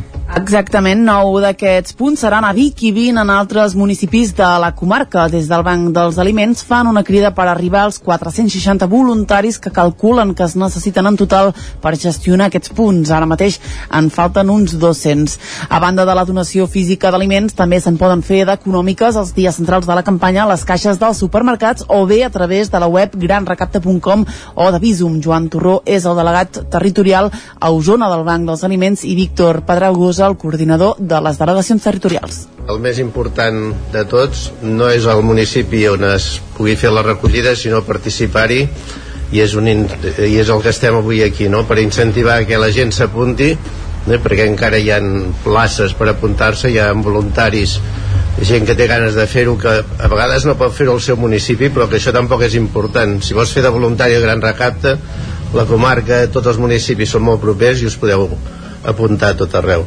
Aquest format econòmic es fa en tots els, les cadenes i els seus punts. I el format mixta amb el, amb el presencial, el qual tindrem, el, tindrem els voluntaris que recaptaran els aliments, eh, bàsicament són les cadenes catalanes. Tota la recaptació que hi hagi a Osona es destinarà a les entitats de la comarca que treballen conjuntament amb el Banc dels Aliments de Barcelona per donar resposta a la precarietat alimentària. Des de la Creu Roja, Maite Molist recorda quins són els aliments més necessaris.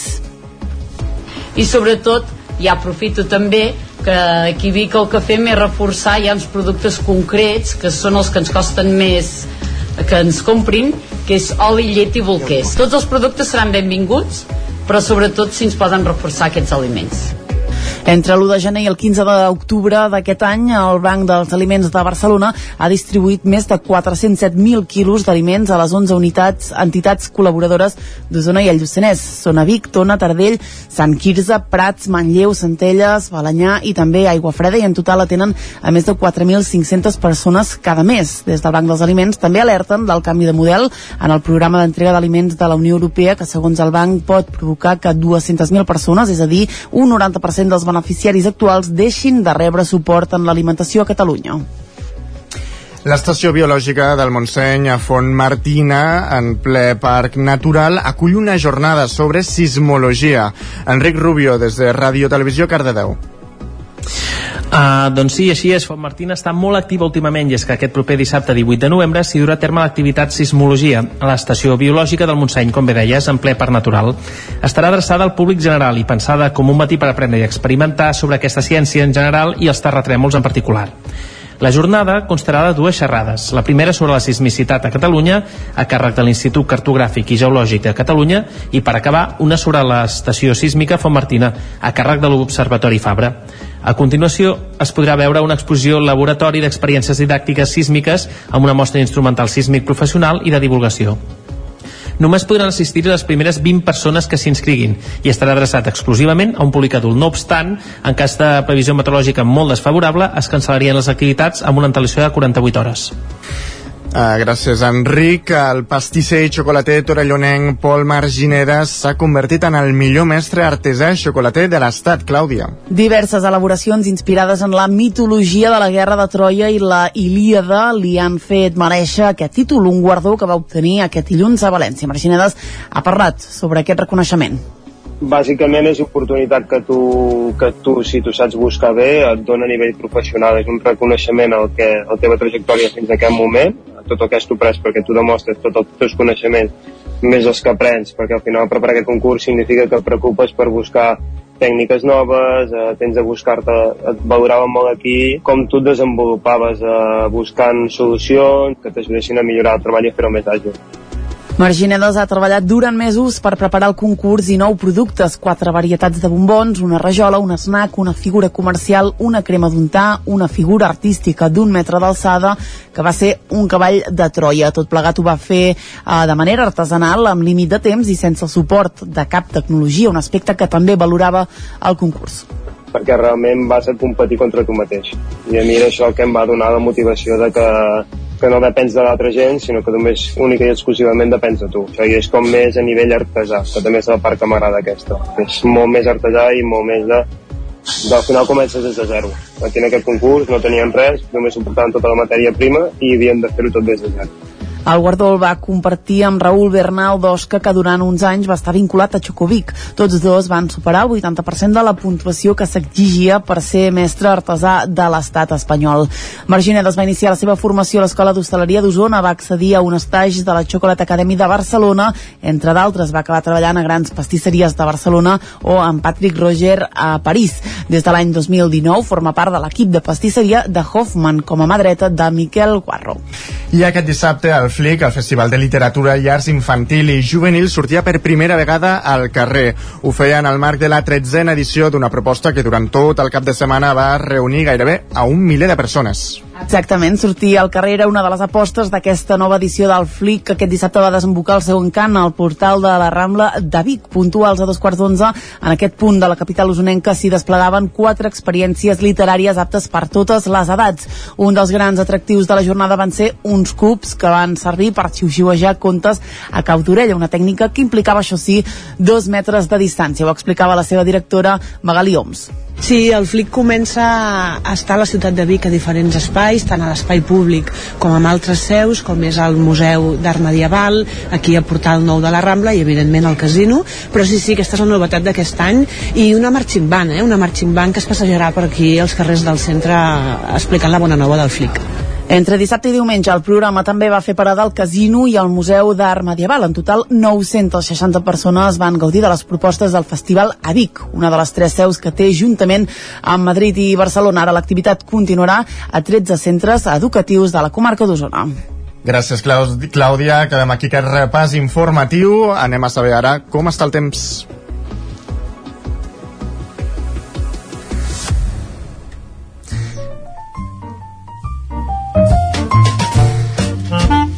Casa Terradellos us ofereix el temps. Saludem el nostre home del temps, Pep Acosta. Tornem a una codinenca. Bon dia de nou, Pep. Hola, bon dia. Al matí farà força sol, molt de sol, però de cara al migdia, de cara a la tarda, la nuvolositat anirà augmentant. Això provocarà que les temperatures no pugin tant. Avui a les màximes els costarà passar d'aquests 21-22 graus si és que arriben. Eh, moltes quedaran això, eh, entre els 20, 21, 22 a tot estirar. Al matí, pocs núvols, i a la tarda, més núvols, més nuvolades. Um, fins i tot poden caure quatre gotes, quatre gotes uh, cap al prelitoral, uh, també cap al Pirineu, Eh, dic que podien caure, eh? és condicional perquè hi ha possibilitat però és baixa. No, no serà pluja segura i a més eh, si plou farà en quantitats molt molt minces molt poca cosa. Mm, per res solucionarà aquesta sequera que tenim eh, com un litre o dos en, en, en aquesta zona si es que arriba a caure els vents febles, eh, ahir van bufar el Garbí, va bufar el Ponent, que va ser dos, els culpables d'aquesta pujada eh, salvatge a les temperatures. Avui els vents molt més febles gairebé no se deixaran ni sentir. A disfrutar el dia d'avui, aviam si, si aquesta pluja que sembla que plourà en algunes poblacions eh, plou més del que està previst, però no ho crec. Però bueno, per fi avui baixaran una mica les temperatures i serà un dia més normal de tardor. Moltes gràcies, fins demà. Adeu. Moltes gràcies, Pep. Fins demà. I el que fem ara al Territori 17 és anar als solidaris.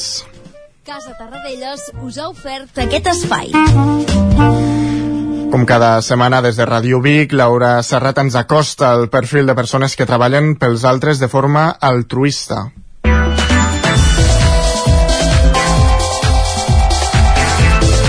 I avui als Solidaris ens fixem amb la regidora d'Habitatge i Benestar i Família de Vic, Núria Oms.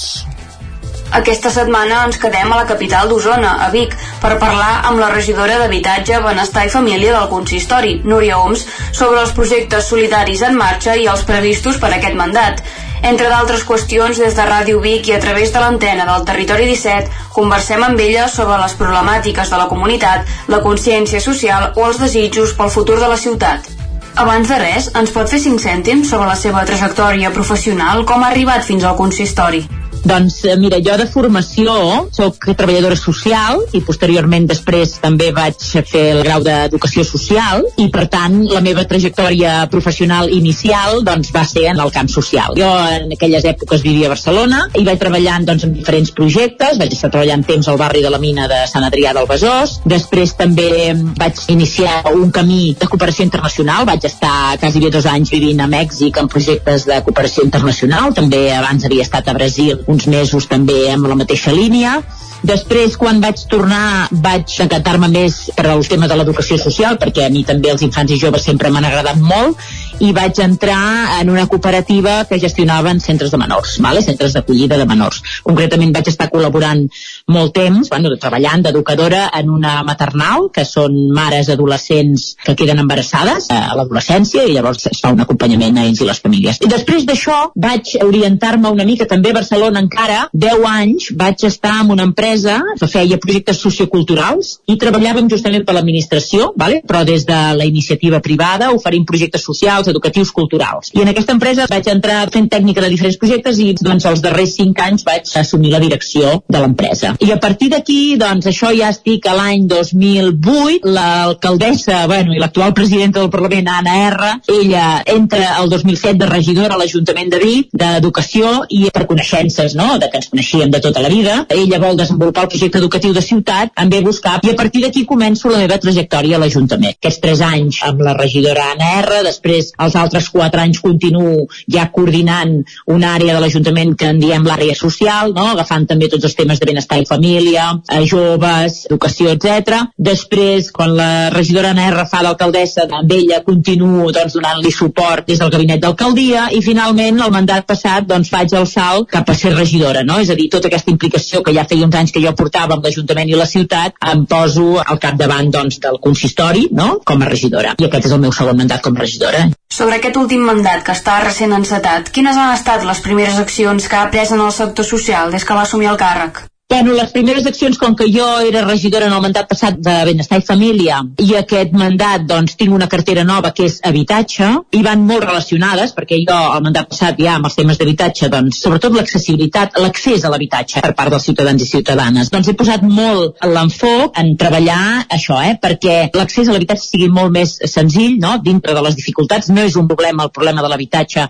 només de Vic, és un problema estructural de país, però estic amb les primeres accions que he fet és veure de quina manera podem crear un full de ruta clar per millorar l'accés a l'habitatge per part dels ciutadans. I aquí hi ha molts fronts oberts. Nosaltres, a finals del mandat passat, vam aprovar un pla local d'habitatge i hi ha moltes línies que ja estan traçades per anar-les desenvolupant. Una de les altres coses és treballar tota una línia d'empoderament a la ciutadania. La ciutadania amb vulnerabilitat social té capacitat també de decisió. Per tant, aquest missatge és un missatge que estem treballant molt des del Departament de Benestar i Família. És a dir, pots tenir problemes socials, problemes econòmics, pot ser un col·lectiu vulnerable, però igualment tens capacitats per prendre decisions sobre la teva vida. Per tant, estem molt enfocats amb tot l'equip de Benestar i Família d'acompanyar aquestes persones perquè puguin prendre les seves pròpies decisions. Per tant, no és tant substituir, fer, prendre decisions per ells, donar ajuts socials així sense més, sinó empoderar acompanyar perquè siguin les pròpies persones les que busquin i trobin les solucions per avançar i per millorar la seva qualitat de vida. I pel que fa a projectes socials, quins tenen previst llançar el pròxim any? En el pròxim any, doncs, un que ja vam llançar però que és molt nou i com que hem fet aquesta prova el vam llançar a la primavera i per tant el segon any que el llançarem serà molt revelador, a veure com ens va, que és tota una campanya d'ajuts adreçats a les famílies, val?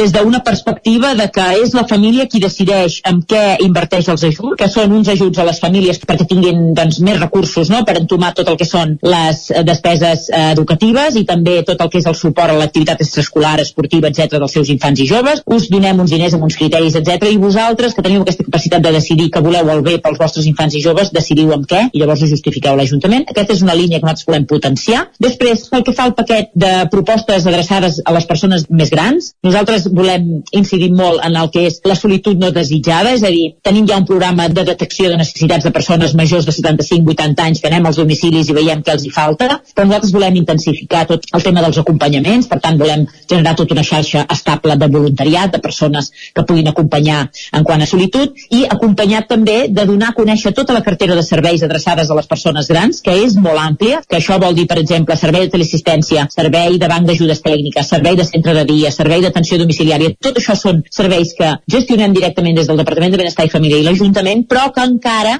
hi ha persones doncs, que no els coneixen. Llavors aquí intensificar una campanya, no només amb les persones grans, sinó amb els fills d'aquestes persones grans, eh, que són persones entre 50 i 55 anys, que ara tenen els pares grans, grans i que moltes vegades pensen que la ciutat no els pot donar cobertura. I en canvi tenim una cartera de serveis molt extensa i que nosaltres doncs, volem fer-hi un impuls perquè la gent sobretot la conegui, perquè la cartera ja la tenim i dediquem molts i molts diners.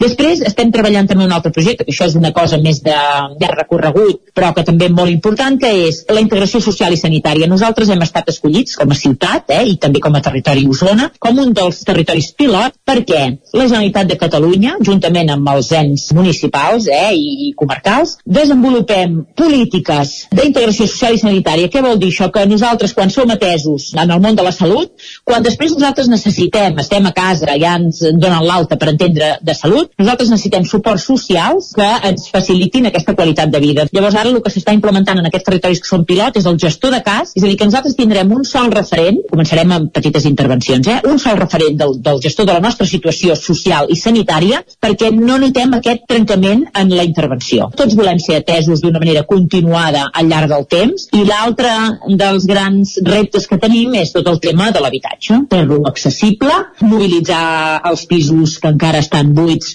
per poder-los eh, posar a lloguer assequible, donar suport als propietaris perquè puguin rehabilitar aquells habitatges que ara no estan en condicions d'habitabilitat i per tant els puguin posar també al mercat, treballar amb els grans tenidors perquè realment compleixin amb els seus compromisos de lloguers socials, de tenir els habitatges en condicions, treballar per l'ocupació, diguéssim, fraudulenta dels habitatges, no? que això el que acaba generant és conflictivitat social, posar tots els efectius perquè la gent no hagi, no es vegi obligada a anar a ocupar, sinó que treballar no? per fer desaparèixer totes aquestes ocupacions il·legals, eh, tot l'entramat de, de màfies que hi ha relacionades amb el padró, és a dir, que també molt insistents no? en què l'accés a l'habitatge passa per fer les coses ben fetes per totes les parts, per les persones que el necessiten, per les persones que en són propietàries, per les persones que en fan ús. En aquest sentit, pel que fa als projectes, quines col·laboracions ha establert amb altres institucions o organitzacions en l'àmbit social des que va assumir el càrrec? Per mi és primordial que quan l'Ajuntament decideix fer qualsevol acció compti sempre amb el teixit social, inclús privat de la ciutat. Per tant, les sinergies, les col·laboracions, les assegudes no?, que fem amb totes les entitats, doncs eh, són imprescindibles per tirar endavant els projectes. La responsabilitat també pensem que és compartida, per tant, cadascú des del seu lloc, totes les entitats socials de la ciutat, jo evidentment m'hi trobo regularment, des de Càritas, Creu Roja, Casal Claret, Tapís, Fundació Trueta, a cadascú amb la seva especificitat, per nosaltres són un tresor tenir-les per ajudar-nos a enfortir aquestes polítiques socials. També doncs, el sector dels privats, els administradors de finques, els propietaris, veure com podem generar aquestes complicitats per abordar-ho conjuntament i d'una manera mancomunada, diguem-ho així. Un altre vessant que també és important, quines oportunitats de finançament o col·laboració cerca per recolzar aquestes iniciatives? Nosaltres, a nivell de, pròpiament de serveis socials, diguéssim, tenim la gestió delegada per part de la Generalitat, eh? la llei de serveis socials ens delega als municipis, i aquí nosaltres tenim un contracte programa, eh? a quatre anys vista, que el tenim aprovat, i és un contracte programa generós, eh? perquè el municipi puguem abordar. Aquest és un finançament. Ara bé, en polítiques socials, doncs també hem de mirar altres administracions supramunicipals, com per exemple una Diputació de Barcelona, hem de mirar també la responsabilitat corporativa, per exemple, de certes empreses i de certs sectors que podrien també fer-nos unes aportacions perquè, en definitiva, millorar la qualitat de vida de les persones també reverteix no? en els seus propis treballadors. Aquí també hem d'anar a buscar aliances i després, evidentment, estar molt amatents a tot el que són les ajudes i els suports que ens venen d'Europa, que tot i que són molt atractius, no? sí que és veritat, és un tema que no és només de Vic i que el compartim amb molts altres ajuntaments, hi ha unes dificultats severes a l'hora de poder-t'hi presentar. L'Ajuntament de Vic té molt clar que els Next Generation, per exemple, no? que és aquesta línia, l'hem d'aprofitar, de fet en tenim, però hi ha unes enormes dificultats a l'hora de, de poder acollir-se en aquest tipus de subvencions perquè són molt, molt, molt complexes. Són molt difícils d'executar, de, de, de gestionar i de justificar. I en aquest sentit també, creu que fan falta més recursos per arribar a cobrir tota aquesta demanda d'ajuda social? No, no és una qüestió de, de més recursos, sinó és una qüestió de consciència col·lectiva de debat social de què ens està passant, cap on volem anar i què estem disposats a fer tots, que no només són diners per canviar i per revertir la situació. Els recursos són finits. Si nosaltres, a vegades hi ha gent que diu feu més habitatge, i ja està, i aquí acaba la idea. Jo sempre demano, quants? 10? 20? 100? Solucionaríem el problema estructural de l'habitatge? No. El problema de l'habitatge passa per altres coses. Estem aquí per un tema de sistema. Hi ha molts factors, multifactors que influeixen en el fet de que en aquests moments sigui difícil l'accés a l'habitatge per determinats col·lectius, vulnerables, joves, etc. Per tant, no és una qüestió només de recursos, sinó que és, és un canvi de paradigma. És a dir, nosaltres com a societat on ens volem instal·lar, en quina cultura ens volem instal·lar, en la cultura del subsidi, dels ajuts i d'anar tenint més diners per ajudes, donar pisos, etc etc o en la cultura del treball, de l'esforç, de les complicitats amb el teixit empresarial, de la formació de les persones. Hem d'anar més enllà del que són els diners per prestacions socials i hem de fer un treball amb, amb un repte molt més ambiciós que marxa del que és només els diners. No és una qüestió de finançament. Ojalà Posem-nos, doncs, en la perspectiva del futur. Quins projectes li agradaria veure complerts un cop acabi aquest mandat? Doncs m'agradaria veure complert que la gent de Vic se sent orgullosa de la ciutat, que ja se'n senten, eh? Però quan parlem, per exemple, de la conflictivitat social, de la inseguretat, tot això, la gent no se n'enorgulleix, no? I això ens fa sentir-nos que no anem bé, no? Llavors a mi m'agradaria que d'aquí quatre anys la gent siguéssim capaços de veure que de conflictivitat, de furts, n'hi hauran, sempre n'hi hauran, perquè la condició humana això ho porta inherent, per desgràcia, però que, tot i que n'hi hagi, evidentment, l'objectiu és que tot això disminueixi i que siguem capaços de, de veure-ho com a fets aïllats que són disfuncions del sistema que sempre hi seran, però que nosaltres com a ciutat estem enfortits, ens estimem Vic, que veiem més aquest got ple no? d'oportunitats, que veiem una ciutat on realment qui tingui ganes de prosperar troba tots els elements per poder-ho fer i que la ciutat l'acompanya en això. Per tant, el meu somni, la meva voluntat i la, la meva il·lusió seria que d'aquí quatre anys puguem dir que Vic ha fet un pas en aquest sentit, ho ha fet de la mà del màxim de persones, hem generat aquests espais de reflexió per veure com podem aconseguir això, però sempre des de lideratge i el pivotar de la pròpia persona amb les seves capacitats i mirar-se els ciutadans amb aquesta mirada de que tots els ciutadans i ciutadans d'aquí són ciutadans de primera, no n'hi han de primera i de segona. Tothom té capacitats per poder-se'n sortir. Per tant, si arribem a aquest nivell de reflexió i d'implicació de la ciutat, podem el nou FM, la ràdio de casa, al 92.8. Perill de glaçades? Per evitar problemes a les instal·lacions d'aigua en cas de glaçades, Aigües Vic recomana que es prenguin les mesures adients, protegint-les amb els materials adequats. Aigües Vic recomana la protecció amb Porexpan o amb altres materials aïllants, però sempre fàcils de posar i treure per facilitar la lectura del comptador. Per a més informació truqueu al 93 885 2500 o entreu a aigüesvic.com. La qualitat de les teves impressions és important per tu? Estàs cansat que els colors i les imatges no surtin com t'esperes? A Impremta Mater disposem de la tecnologia més avançada i els millors professionals per aconseguir impressions d'alta qualitat. Fem tota classe d'impresos amb acabats professionals. Llibres, catàlegs, revistes, tesis, calendaris, enquadernacions... I a més, disposem del servei d'impressió digital en gran format, roll-ups, lones, pòsters i molt més. Impremta Mater. Ens trobaràs a la carretera de Sant Hipòlit 23 de Vic o impremtamater.com. L'infopodcast del 9-9 amb Sílvia Pedret. Cada dia et donem les claus de les notícies més rellevants de casa nostra. Vivim en una comarca que s'està demostrant pionera en. Desperta't cada dia amb l'infopodcast del 9-9. Aquesta setmana tornen a ser notícia els pantans perquè han baixat... El trobaràs a dos quarts de vuit del matí al 99.cat, Spotify, iVox i, si ho vols, te l'enviem directament al mòbil. Subscriu-te als canals de WhatsApp i Telegram del 99. Soc Sílvia Pedret. Comencem.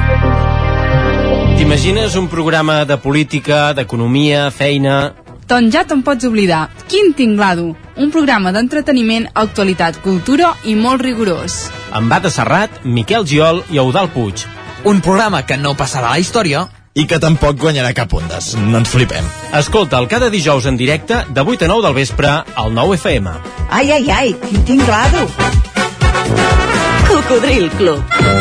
Si t'agrada la bona música dels anys 60, 70 i 80, escolta el 9 FM als matins de dissabtes i diumenges d'11 a 1. És el temps del Cocodril Club, tot un clàssic de la ràdio, amb les bases del pop-rock, les llegendes, les cançons que s'han convertit en autèntics himnes. Recorda, dissabtes i diumenges al matí, d'11 a 1, al 9 FM 92.8. Cocodril Club, el programa revival de l'Albert Malla.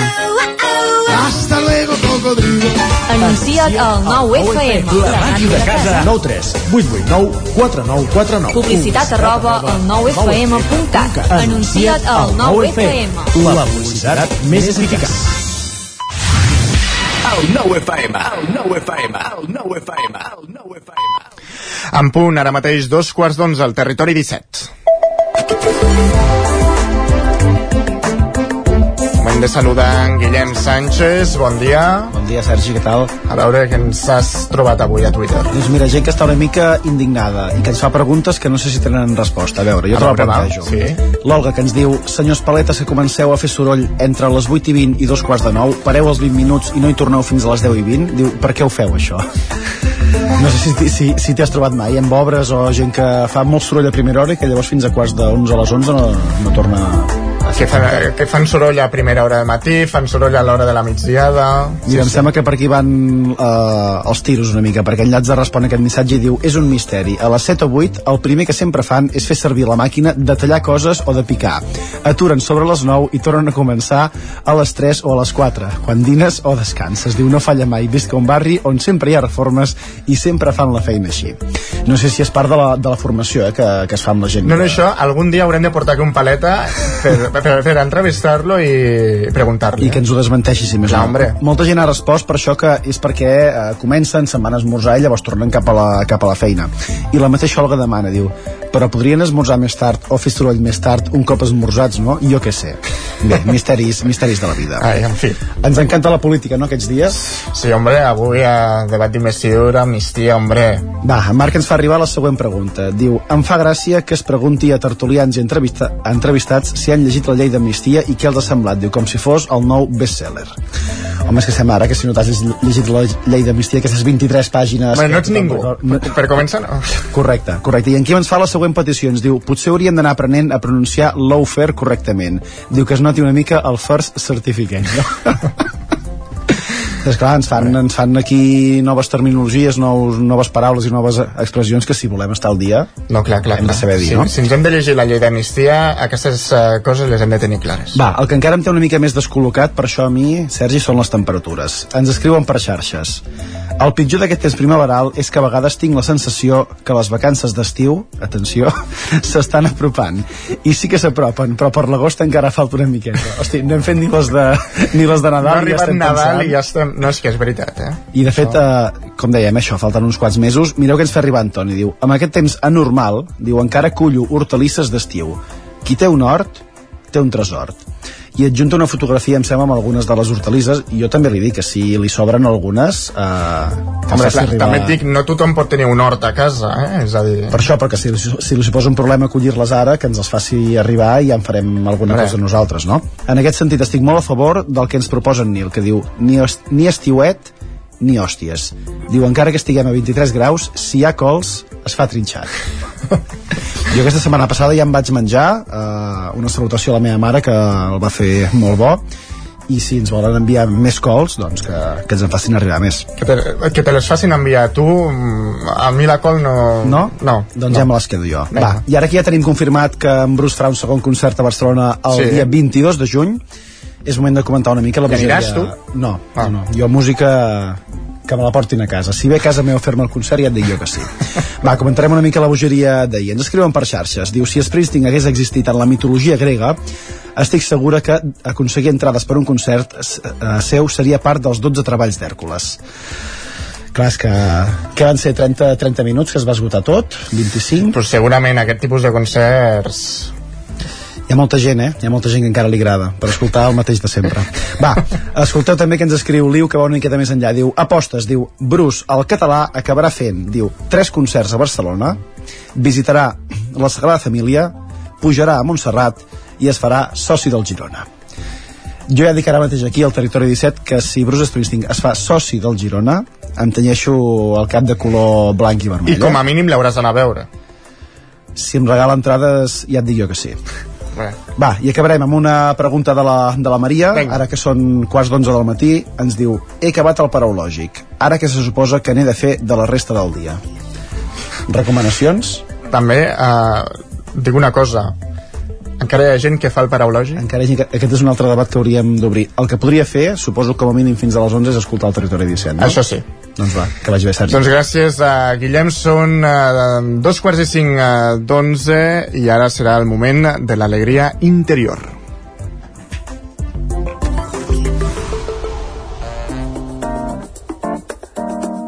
Territori 17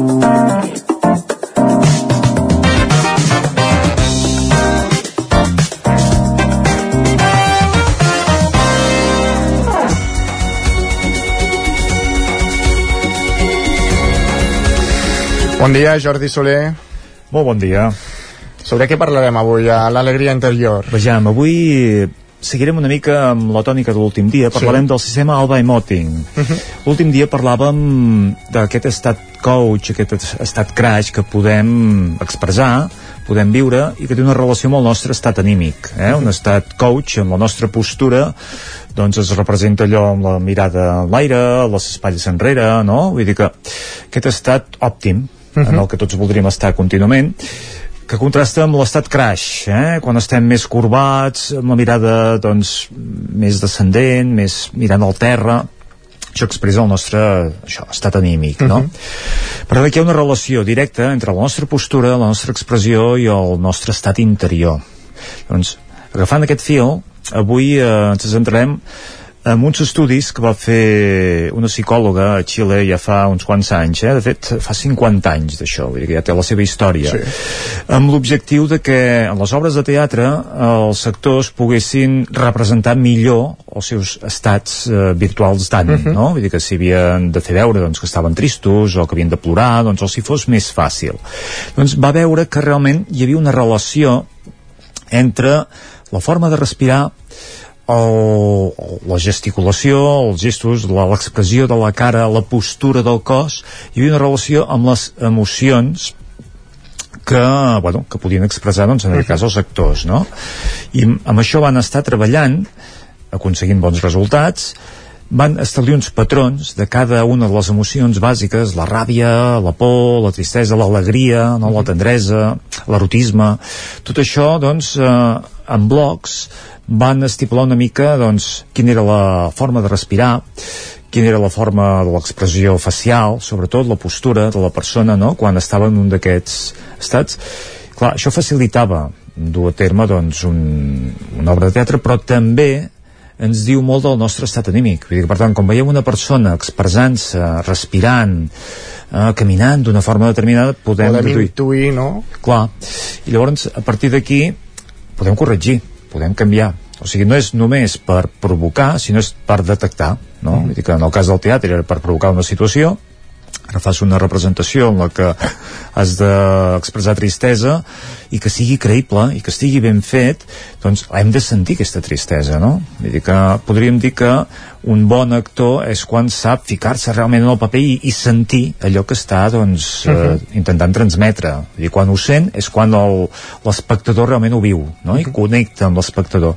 Per tant, dius, això era un mètode bo, efectiu, però alhora si ho girem, ens adonem de que podem llegir-nos a nosaltres mateixos, no? I podem adonar-nos de dir, ostres, com a, si estic amb estrès, doncs aquesta respiració curta, superficial, no? Diu que, uf, que hem de canviar alguna no? Que potser estem apretant massa l'accelerador, que hem de fluixar. Doncs, les formes de, de catalogar-ho per identificar-ho, eh? per saber una Clar, mica... per saber una mica els patrons, eh? Mira, e, e ella va establir les sis eh, emocions bàsiques, la ràbia, la por, la tristesa, l'alegria, l'erotisme i la tendresa. Uh -huh. Si et sembla, et faig un petit resum sí, que ens pot servir una mica, eh? per detectar, per identificar, tant si ho volem provocar com si ho volem identificar. Mira, la ràbia diu, eh, es respira, la respiració és amb força, inspirant i expirant pel nas, no? Allò, volem... Uh -huh jo crec que fins i tot per agafar força ens pot anar bé en un moment que estem fluixos i volem agafar una mica d'energia apliquem aquesta forma de respirar i com que ens s'aixeca, vull dir que si ho fem en un excés potser ens fa agafar el que no hem d'agafar sí. dir, la ràbia no és una emoció podríem dir aconsellable, però sí que amb una dosi adequada ens pot donar un punt d'energia. Llavors, la forma de, ella diu, contraure la mandíbula, apretar els llavis i enfocar la mirada tensant les parpelles i arrufant les celles. Aquesta expressió facial eh, potencia aquesta, aquest estat, aquesta emoció, no? Allò, posar atenció en el cos, inclinar-lo una mica endavant, en posició d'atac, doncs això encara ho referma més. Però si volem representar una obra en la que hi hagi aquesta ràbia, doncs amb tot això ens pot ajudar una altra emoció, la por. No, la por, mmm, no sé, jo per exemple un dia fent puenting vaig veure la meva situació Clar. i la, la situació dels, dels companys no? una situació de por no? I realment les inspiracions curtes i sobtades a través de la boca oberta aguantant la respiració una respiració irregular i de poca amplitud eh, això hi era molt present eh? Vull dir que allò que, bueno, que obres la boca que, que, que no goses ni respirar perquè realment allò que vas a fer doncs, eh, bueno, no ho tens del tot controlat no? I, i genera doncs, aquesta emoció de por llavors també diu a eh, la part diguéssim posar obre bé els ulls i tirar el cos lleugerament enrere eh, en posició de defensa això doncs, bueno, mm, et, et dona a entendre que aquella persona està en una situació de, de por no? Una altra emoció, la tristesa. Clar, qui vol sentir tristesa? Ningú vol estar trist, tothom vol estar alegre, no? no? Però fixa't que hi ha moments en què és bo treure un tap, allò, un moment de dol, no? Uh -huh. dir, potser no és bo en un moment de dol anar a buscar l'alegria, potser és bo netejar, no? Vull dir, anar endins, viure aquesta tristesa i, i realment buidar-la, vull dir, expulsar-la, treure-la, no? Però primer s'ha de reconèixer i s'ha de viure. No, clar, i també és això, eh? ens hem de permetre també estar tristos en alguns moments. Eh? Clar que sí, clar que sí. Jo crec que eh, hi ha de ser present, llavors la forma d'identificar-la o de viure-la o de fer-la fer, més present aquí ens diu la, la Susan Bloch és de inspirar amb sacsejades entretallades i deixar anar l'aire per la boca de manera allò de sospir no? allò que quasi que, que aquell plor entretallat no? vull dir que aquest, aquesta forma de respirar vull dir que fins i tot podem practicar cadascuna d'aquestes respiracions que anem dient eh? i veurem que d'alguna forma comença a canviar el nostre estat eh, d'ànim, el nostre estat emocional, no? Eh, que, que aquesta respiració entretallada d'alguna forma ens baixa una mica el nostre nostre nivell, no? Vull dir que ens afluixa. Vull dir que mantenir el cos relaxat i els braços penjant i deixar que el cap baixi lleugerament dirigint la mirada cap a baix, no? És allò de l'estat crash que dèiem al principi, uh -huh. no? Aquesta postura, aquesta forma de respirar, aquesta expressió que fem, d'alguna forma ens va canviant, ens va transformant, no? Vull dir que quan generem això en obra de teatre doncs pot ser molt efectiu el que passa que després també cal sortir-ne d'aquí no? Vull dir, cal, cal saber que és una, un episodi puntual i que hi han mètodes i maneres de, bueno, de contrarrestar-ho això, no? Vull dir que si tu, vols, si tu detectes un estat emocional que no t'ajuda una mica el que es diu és canvia la forma de respirar si dius, ostres, ara uf, estic malament, estic fluix, estic crash, no? Uh -huh. i no vull estar crash vull dir, això no m'ajuda, no? vull dir que en aquest cas no m'ajuda, no és un dol no és una situació que ho justifiqui, és una situació que sense adonar-me'n m'he deixat arrossegar doncs això vull canviar-ho com que ho identifico, ho veig vaig a canviar-ho, la forma de canviar-ho canvio la meva postura vull dir, em tiro enrere la mirada l'aixeco, la forma de respirar la faig més profunda, no? Aquesta respiració superficial, curta, em permeto, ho paro, respiro i torno a començar, reprenc, no? I miro la, el meu entorn d'una altra manera. Canvien els colors, eh? canvia la intensitat, doncs canviar la forma de respirar, canviar la nostra postura, canviar la mirada, ajuda contrarresta a vegades situacions que no, que no volem no? i que ens, ens hi porta doncs, el, el frenetisme del dia a dia no? i que ens arrossega i que és bo identificar-ho doncs mira, va bé saber-ho, eh, que amb postures corporals eh, podem intentar gestionar una mica... No ens n'adonem, no. no, no ens n'adonem, eh, i ens, ens deixem arrossegar, i eh, a vegades arribem al vespre que estem fosos, cansats, i no sabem per què, i és perquè hem de fer aquestes parades, aquest reconeixement. Doncs el sistema del Bemoting una mica va, va fer això, eh? va, va anar recollint, va anar definint l'estat d'alegria. L'estat d'alegria aquest és fàcil, quan el sentim mm, diríem, és inspirar sobtadament a través del nas i exhalar l'aire a través de la boca en ràpides sacsejades dir, quan estem contents, quan riem dir que la respiració doncs, és això més eh, a, batzegades no? i a través de la boca estirar els llavis eh, amb els marges cap amunt i cap enrere ulls semitancats i el cos relaxat i cap lleugerament enrere allò que està mirat més aviat l'aire, no? Vull dir que estem a dalt. Uh -huh. No, la gent Fixa que amb les modalitats de la PNL eh, la gent visual sol tenir aquesta postura, no? Més oberta, més saltiva, allò estic, estic en connexió, vaig molt ràpid a fer les coses.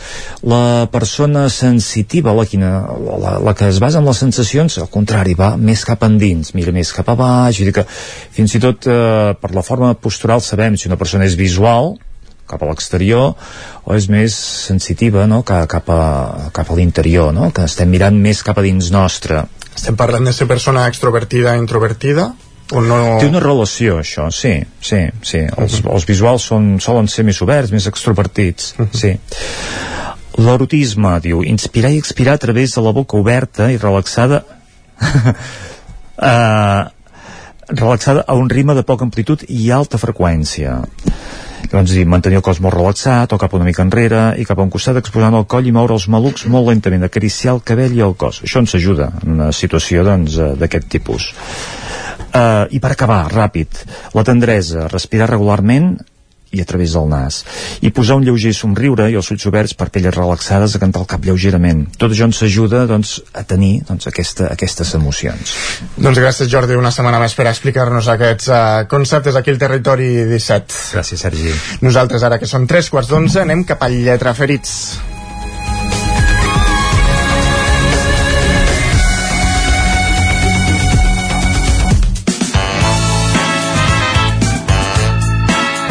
Territori 17 I avui al Lletra Ferits anem cap a una codinenca per parlar amb Joan Torres, un jove de Castellcir, al Moianès, que amb només 23 anys ja ha publicat dos llibres de ficció i ara està treballant en el tercer. El seu últim llibre, el segon, el va publicar a l'estiu. És Perill Invisible, que forma part de la trilogia L'herència del temps. Amb ell ja ha conversat en Roger Rams. Doncs avui ens acompanya en Joan Torres, ell és del petit municipi de Castellcí, a la comarca del Moianès.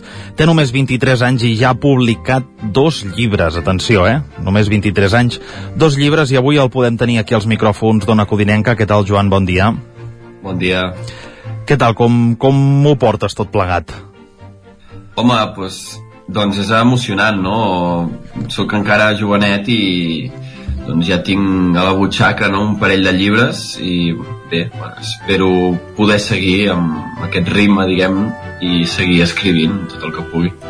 De seguida parlarem de la teva segona obra, del teu darrer llibre, que per això tenim avui aquí, si et sembla, però abans eh, tirem una mica enrere i per qui no ho conegui, doncs recapitulem una mica la història i expliquem que, que ja vas treure un, un primer llibre. Eh, Explica'ns una mica com, com comences a escriure? Primer de tot, anem pel principi, com, com comences a escriure tu? Bé, doncs, jo no, des de petit no havia set d'escriure mai, no m'agradava fer redaccions a classe i... Bueno, no bé, no m'agradava escriure, no? Però uh, sí que m'havia agradat molt llegir. Sempre vaig començar molt jovenet amb els Harry Potter, tipus uh, segon de primària, i me'ls vaig llegir de segon fins a sisè. Després, altres llibres de ciència-ficció, Jocs de la Fam, Divergent, i bé, doncs, sempre m'havia agradat molt llegir, no? I, no sé, va arribar un moment que és com... Sempre havia com tingut la idea, però no l'acabava de portar a terme.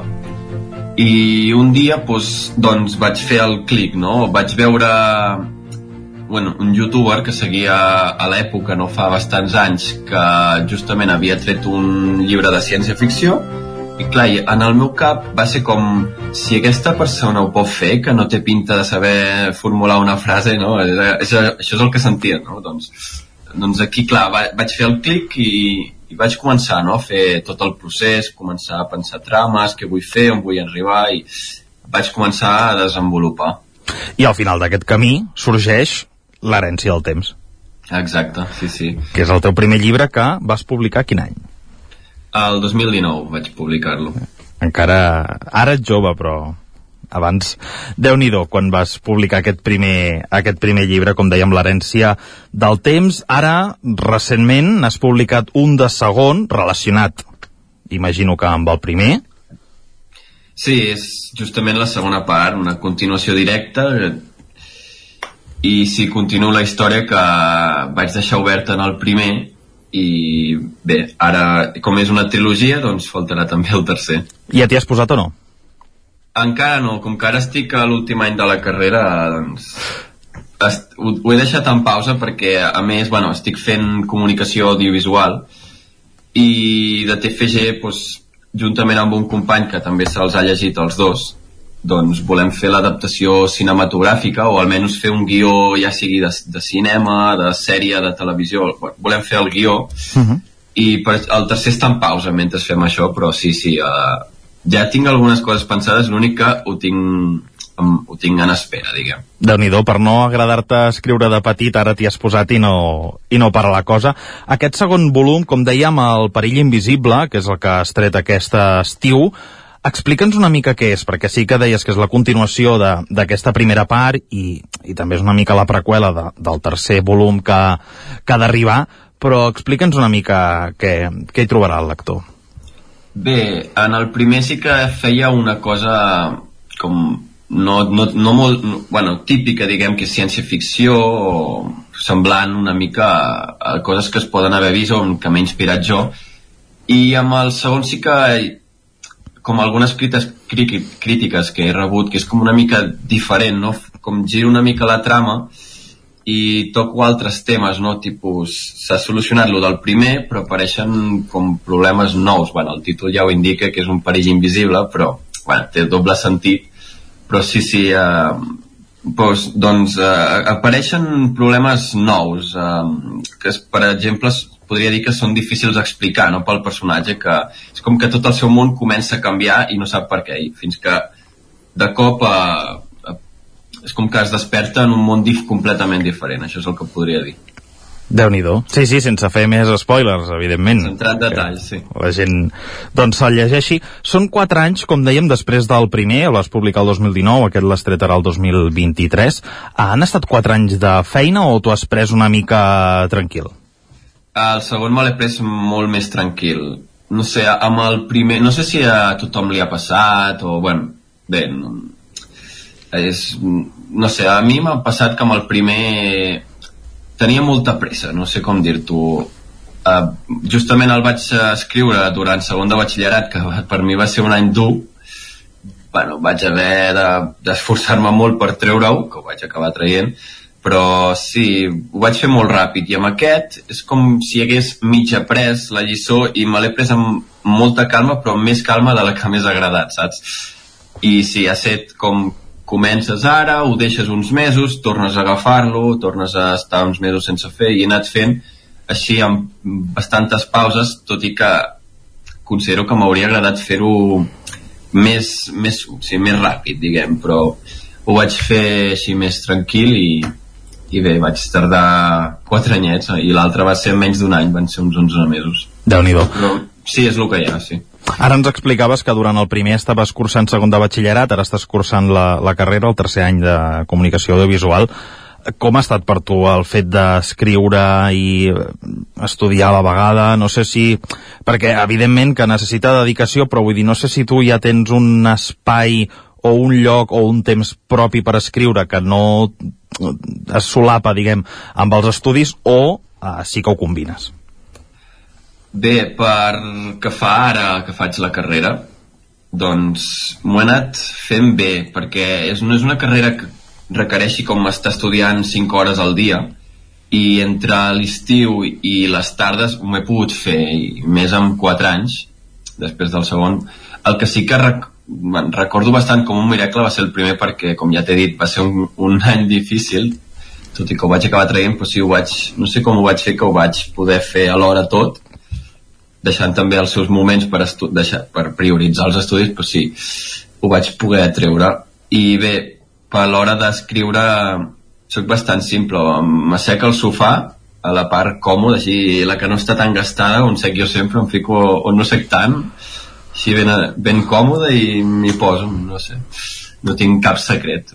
Fico allà, obro el Word i cap endavant. Uh, tot plegat també li hem de sumar, com apuntàvem a l'inici, que vius a Castellcí, a la comarca del Moianès, un, un poble molt, molt petit i, i allunyat de, de grans àrees urbanes. Uh, no sé com això, o si això ha influït a l'hora d'escriure, suposo, jo imagino que per bé, perquè és un lloc tranquil, un lloc on, on hi ha racons per inspira, inspirar-se, però com t'hi has trobat a l'hora de difondre la teva obra?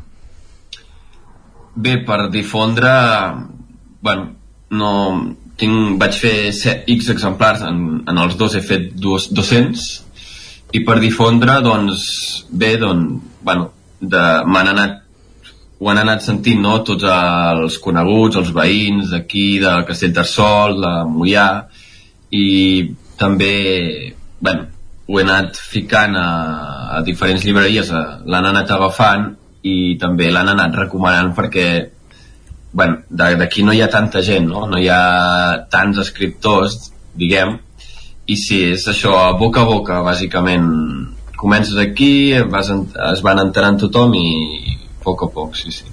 De seguida parlem d'on es pot trobar aquest llibre, però abans deixa'm preguntar si has fet eh, presentacions. Sí, pel primer vaig fer una presentació en el 2019 i pel que fa al segon ho estem mirant per novembre eh, encara hi ha una data però no, encara no està confirmada 100% però rondaria les primeres setmanes que no sigui la, el primer dissabte de novembre tot i que encara no està confirmat però sí, Uh, aquesta és la idea, fer la segona presentació perquè a una, a una coneguda que m'ajuda a fer la presentació, que el vam fer amb el primer, uh, li he deixat temps perquè rellegís el primer i després pogués preparar-se, llegir el segon i preparar-se la presentació, així que ho estem preparant encara, sí. Mm -hmm. Com dèiem, Joan, algunes llibreries sí que han agafat aquest uh, llibre teu, tant el primer com, com també el segon. Uh, Explica'ns una mica on es pot trobar i tots aquells uh, que ens estiguin escoltant, doncs on es poden dirigir per, en fi, per, per, per comprar-lo. Sí, bé, doncs, per que fa llibreries a Llupis, de Castellterçol, i a la llibreria Grau, de Mollà, aquestes són com les principals on sempre hi ha llibres després si no a Caldes a Montbui també en alguna llibreria també el pots trobar i si no a mi mateix sempre si, si se m'escriu per, per, per les xarxes socials sempre es pot fer una quedada i, i entregar el llibre firmat directament és una bona opció per a internet bé, bueno, per Amazon també es pot veure si fa, si fa falta, si ets de lluny doncs també es pot trobar per allà. Mm -hmm. Ara comentaves que es poden dirigir els lectors a tu directament a les xarxes socials per obtenir un exemplar, si les vols dir per qui vulgui, doncs, en fi, demanar-te ah, un sí. llibre. Bé, bàsicament doncs, per Instagram, que és arroba Joan Torres 8. Allà, bueno, algun ha caigut, però si per allà si, fas, si fes falta, doncs per Instagram mateix. Doncs perfectíssim, avui conversem amb Joan Torres, veí de Castellcí, aquí al Moianès, a tocar, que ha publicat aquest estiu Perill Invisible, la segona part aquesta herència del temps que va publicar l'any 2019 i que ha seguit aquest 2023 i que ja ens ha avançat en aquesta entrevista que en un futur doncs s'espera un tercer volum per completar aquesta trilogia. Moltíssimes gràcies, Joan, per passar avui pels micròfons d'Ona Codinenca i per explicar-nos, a banda del llibre, també com ha estat aquest procés d'escriptura de, amb, un, amb un autor tan, tan jove com tu. Bé, gràcies a vosaltres per l'oportunitat i bé, esperem per la pròxima amb el tercer, nois. Perfecte.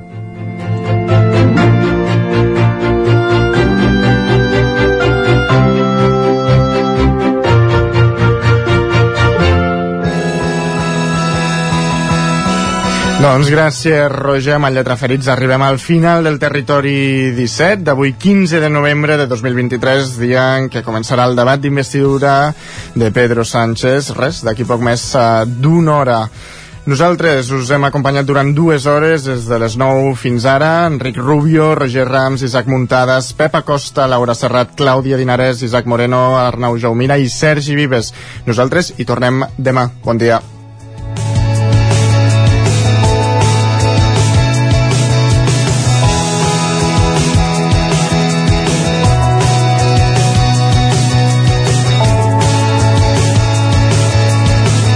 Territori 17, un magazín del nou FM, Ona Codinenca, Ràdio Cardedeu, Ràdio Vic i La Veu de Sant Joan, amb el suport de la xarxa.